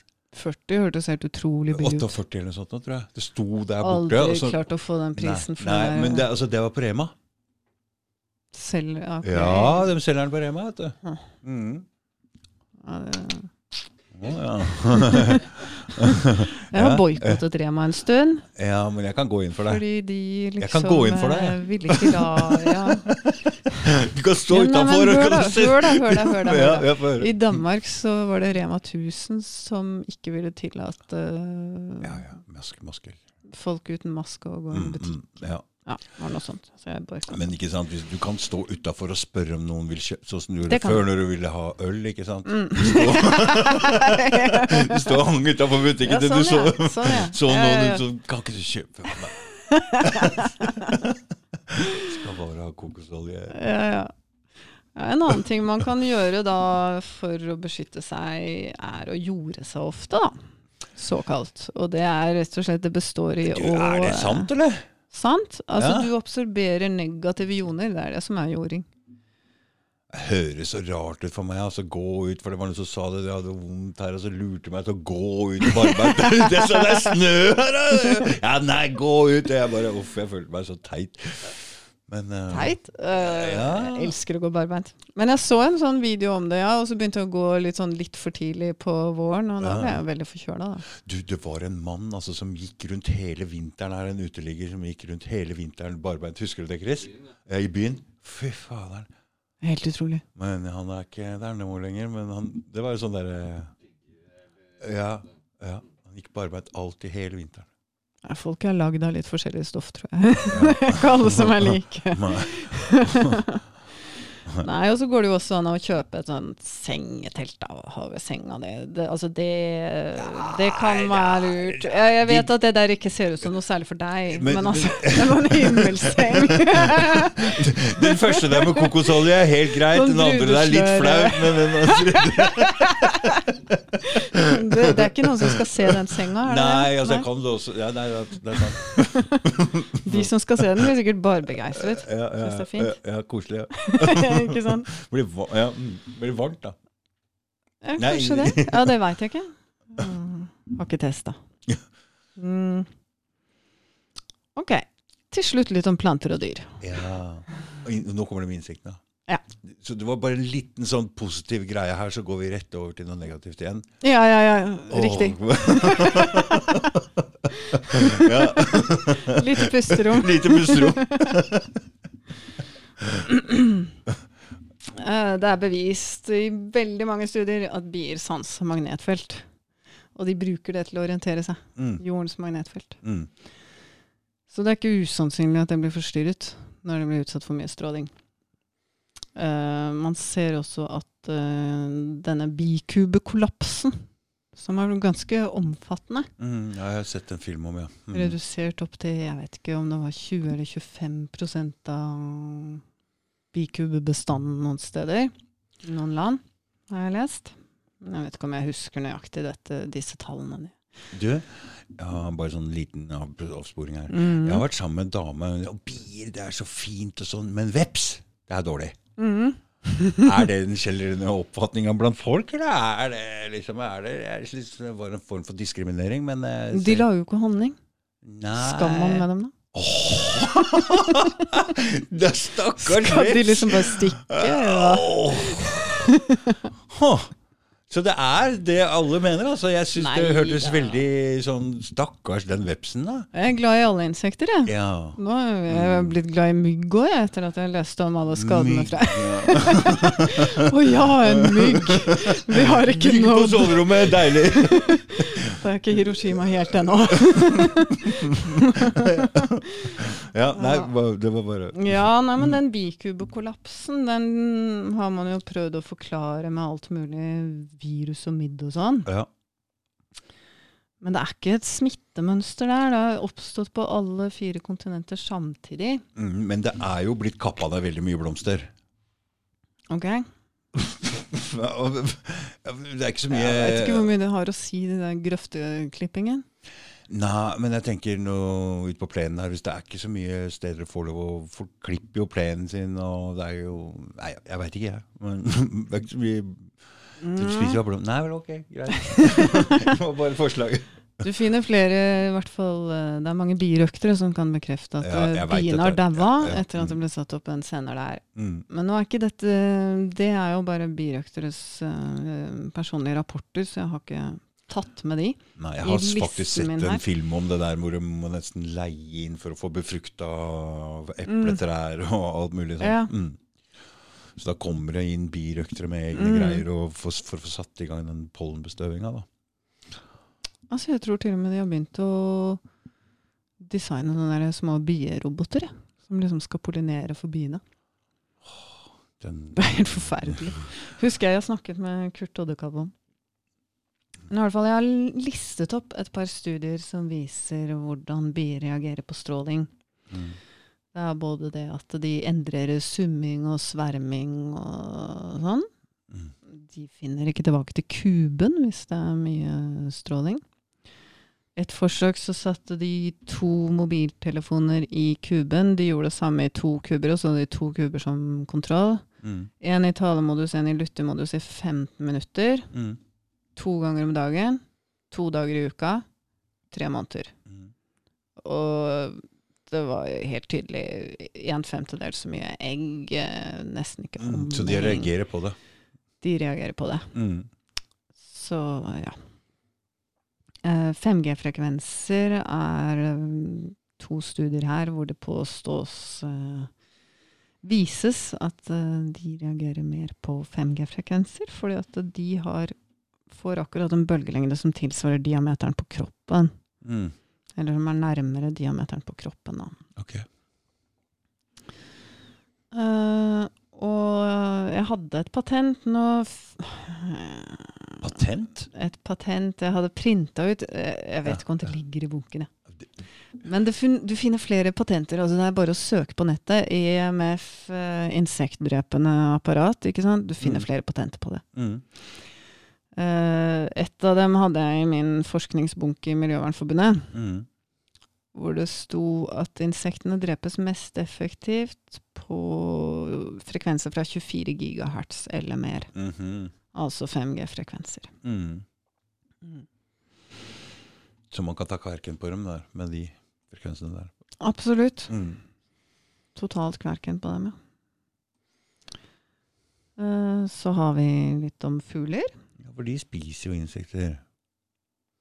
Det gjør de også. Men de unngår steder hvor det er mye stråling. Det er bevist i noen studier her. Uh, og det har vært så mye nedgang av gråspurv. Du, det er sant, men hele vinter så har det vært en klynge i den lille, lille trebusken til naboen. kvitra og spraka hele vinteren. ass. Ja, så bra. Det er hyggelig, da. Ja, det er hyggelig, Eh. men har ikke, det er sant, for jeg hadde ikke sett det på mange, mange, mange, mange år. De der gråspurvene. Mm. Nå har det blitt noen her.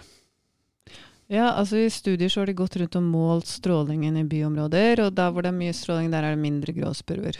Mm. Mindre stråling, mer gråspurver. I Storbritannia så er den listet opp som utrydningstruet. Mm. Gråspurven. Nei, oi. Det gikk fort. Unnskyld. Tilbake. Storker. Har det også vært gjort forskning på? Altså det har vært gjort forskning på mange forskjellige dyr. Maur, stork, gråspurv. Er, er det ikke de som kommer med barn? Jo, Det er det. det må ikke utrydde, da. Det er ikke, godt, det er ikke bra å utrydde. Nei Nei, ikke bra. Men de unngår også mobilsendere. Og de legger mindre de får, Altså, det var um, mange flere tomme reir eh, innenfor en radius på Jeg vet ikke om Det var 300 meter, så vidt jeg husker. Jeg har dokumentert det i denne videoen her. Men du, stork, det er ikke noe sted Video om hvit stork. Det er ikke noe i Norge vi har sånne fugler? Nei, dette er fra Spania. Ja. Var en forsker i Spania som eh, gikk rundt, og så delte han inn i de som legger reir innenfor 300 meter fra en mobilsender, og de som legger det Mm. lengre vekk. Og hva Mm. skjer, liksom? Men det kan jo også kanskje ha noe med at det er mindre insekter Kanskje. Eller spiser Nei, ikke men de? de, er så flyr store. da rundt, altså storkene flyr da rundt og samler hvor de, hvor de finner de. Hva er det de spiser? De spiser ikke insekter, kanskje? De Kanskje larver? Meitemarker? No, kanskje. Men småfugl spiser i hvert fall. Småfugl spiser i hvert fall. Jeg prøver å ikke få fantasien til å begynne å lure på det spiser. Og så litt om trær. Du ser det på trær. eh, Nei. Jo, Jo. du ser det på trær. Ja.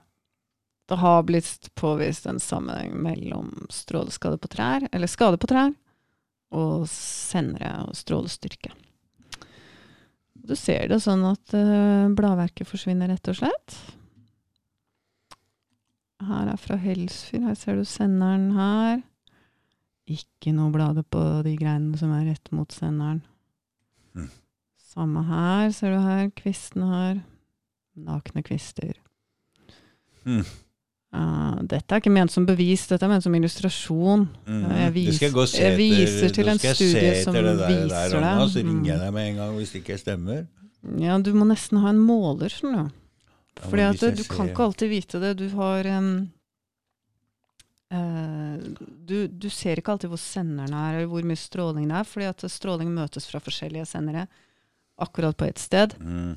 Hvordan skal du vite det, Jeg har liksom? ikke lyst til å gå rundt barbeint med sånn hatt på og gå rundt med sånn måler. Nei, men du trenger ikke det. Trærne, la trærne klare Ja. seg sjøl. Ja, ok. da Har du ikke lyst til å gå rundt med sånn hatt? Barbeint med sånn måler i hånda. Nei, men det, det skal du få slippe. Ja, du kan ha podkasten. Ja, ja, ja. Jeg går heller ikke rundt med sånn hatt. Det er jo liksom bevist. Ja da. Så det er ikke noe poeng i å måle det mer. Okay. egentlig. Men det er jo litt interessant å se på trær av og til og lure på hvorfor de er skada. Som sagt, det er ikke alltid man ser sammenhengen, fordi man vet ikke hvor mye stråling det er på ethvert sted alltid. Eh, enda et lite bilde. Ingen blad. Senderen var her. Hvem har tatt disse bildene, Rune? Nei, det er forskjellige. Noen av disse er fra uh, noe som heter Diagnosefunk i Tyskland. Hvor okay. de har dokumentert en del. Einar Flydal har også lagt ut et blogginnlegg om det. du. Da tenkte jeg det er du som har flydd ut med kamera her. Nei, nei, nei, det er fra Helsfyr. Det var fra Einar Flydal sin blogg. Mm. En PDF-fil som du kan laste ned, som forteller om skade på um, trær. Mm. Ja. Uh, skal vi se.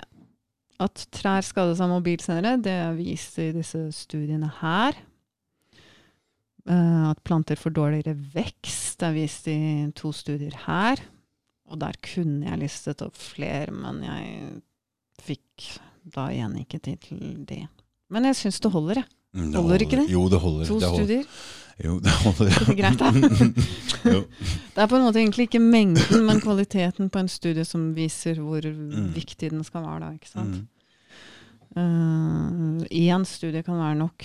Hvis den er god kvalitet, så kan du på en måte ikke si den imot den med Sånn som industrien prøver på, da, med å bare komme med like mange, eller minst like mange flere studier som viser at det ikke er noe sammenheng. For vanlige folk har ikke tid til å sette seg inn i dette. At noen Nei. må ta den jobben. Noen må ta den jobben. Mm. Det er helt sant. Jeg trodde Strålevernet gjorde det. Ja. Der var jeg litt naiv. Uh, her er det tre hvor du ser Hva fotografi år for år. For det strålevernet, altså vern mot stråler, de Ja. burde jo ikke si at dette ikke er farlig. De burde jo, de burde jo egentlig opplyse oss om farene, da. Ja, det er veldig rart. Altså, når de ikke har en krone satt av til å jobbe med det, egentlig, Nei. i norske Strålevernet, DSA. Mm. Likevel så uttaler de seg med den største selvfølge og sier at det ikke er skadelig, at det er for dårlig kvalitet på de studiene som eventuelt viser noe skade. Mm. De Kanskje har de en burde skifte navn? Det er mange De har gjort det. hva, hva heter de nå? Eh, Nå heter de DSA, for et par år siden het de Statens strålevern. Men hva betyr DSA? Mm, Direktoratet for stråling og atomsikkerhet. Ja, greit. For det strålevern betyr jo rett og slett et vern mot stråling. Mm. Og da skulle du tro at Men det andre er greit. Da sier de i hvert fall hva de heter, hva de driver med. Mm. Ja, så de driver mest med atomsikkerhet, og, og på en måte er bare slags talsmenn, selvutnevnte talsmenn for uh, spørsmålet om mobilstråling, uten å forske på det sjøl. Mm. Og de sier jo også det, de får daglige henvendelser fra folk som er bekymra. Mm. De har faktisk vært så dumme å si det. Så det er veldig mange som vet om det, men problemet er at vi møter veggen. Vi blir ikke, Media vil ikke vite av oss. Nei. Strålevernet sier 'Å, så dumt at du er bekymret'. Ja, det så de bare trøster er i telefonen. Ja, uff a Ja, det går bra, sier Jeg, de. jeg ga jo Strålevernet eh, sånn mappe, ikke sant, med stråling. Mm. Nei, med forskning. Mm. Mm. Og de bare 'ja, det er vi veldig interessert i'. Alltid veldig interessert i det. Men Mm. ofte så er det altfor dårlig kvalitet på disse studiene. Mm. Ja, kan du vise meg et eksempel? Kan du liksom de, de backer aldri opp sine påstander. De regner, som, regner med at de bare blir tatt på ordet, men de har ikke noe konkret å vise til, hvor de har foretatt noe gjennomgang, hvor de har liksom studert kritisk Mm. kvaliteten på studiene og kan egentlig argumentere med noe, noe reelt. Veit du hva? Nå kommer min eh, andre Ja, så Skynd meg, da. Ja, shit, Jeg har bare én eller to. Jeg tror dette er siste. Ja. mm, mm, Men her ser vi forløpet da år for år på et tre. da. mm. At det blir mindre og mindre bladverk. Til slutt er det bare nakne tre igjen. For da har vi holdt på helt til klokka, klokka Og her er kildene. Her er kildene, så det var jo egentlig ganske bra. Ja. Jeg er ferdig. ja. Tre bøker om stråling som jeg har brukt eh, hovedsakelig også noen av kildene listet opp Mm. her. Hvis det er flere ting man lurer på, så går det alltid an å spørre meg. Mm. Uh, ja. Han bare går og sier fra, så kommer han ned igjen. Så Ja. han, skulle, han er på norgesturné. Ja.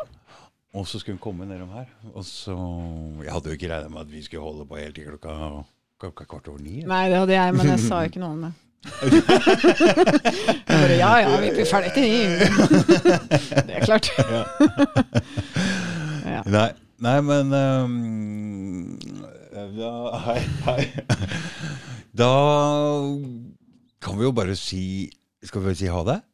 Tusen takk, vi skal si tusen takk for den jobben du har gjort her med å sette sammen dette her. Det er jo, for jeg veit du har holdt på med dette i lang tid nå, og det er en kjempejobb. Og mm, så tusen takk for at du kom, og tusen takk for at du har gjort det du har gjort. Da kommer bikkja her, ja. Bare hyggelig. Ble sluppet inn, den. Ja, ja, ja. ja, ja, ja, ja, ja, ja, ja, ja. Da kommer det. Mm. Nei, um, Bare hyggelig. Ja. Takk for at du kom. Ja. Ha det. Takk. Ha det bra. Oh.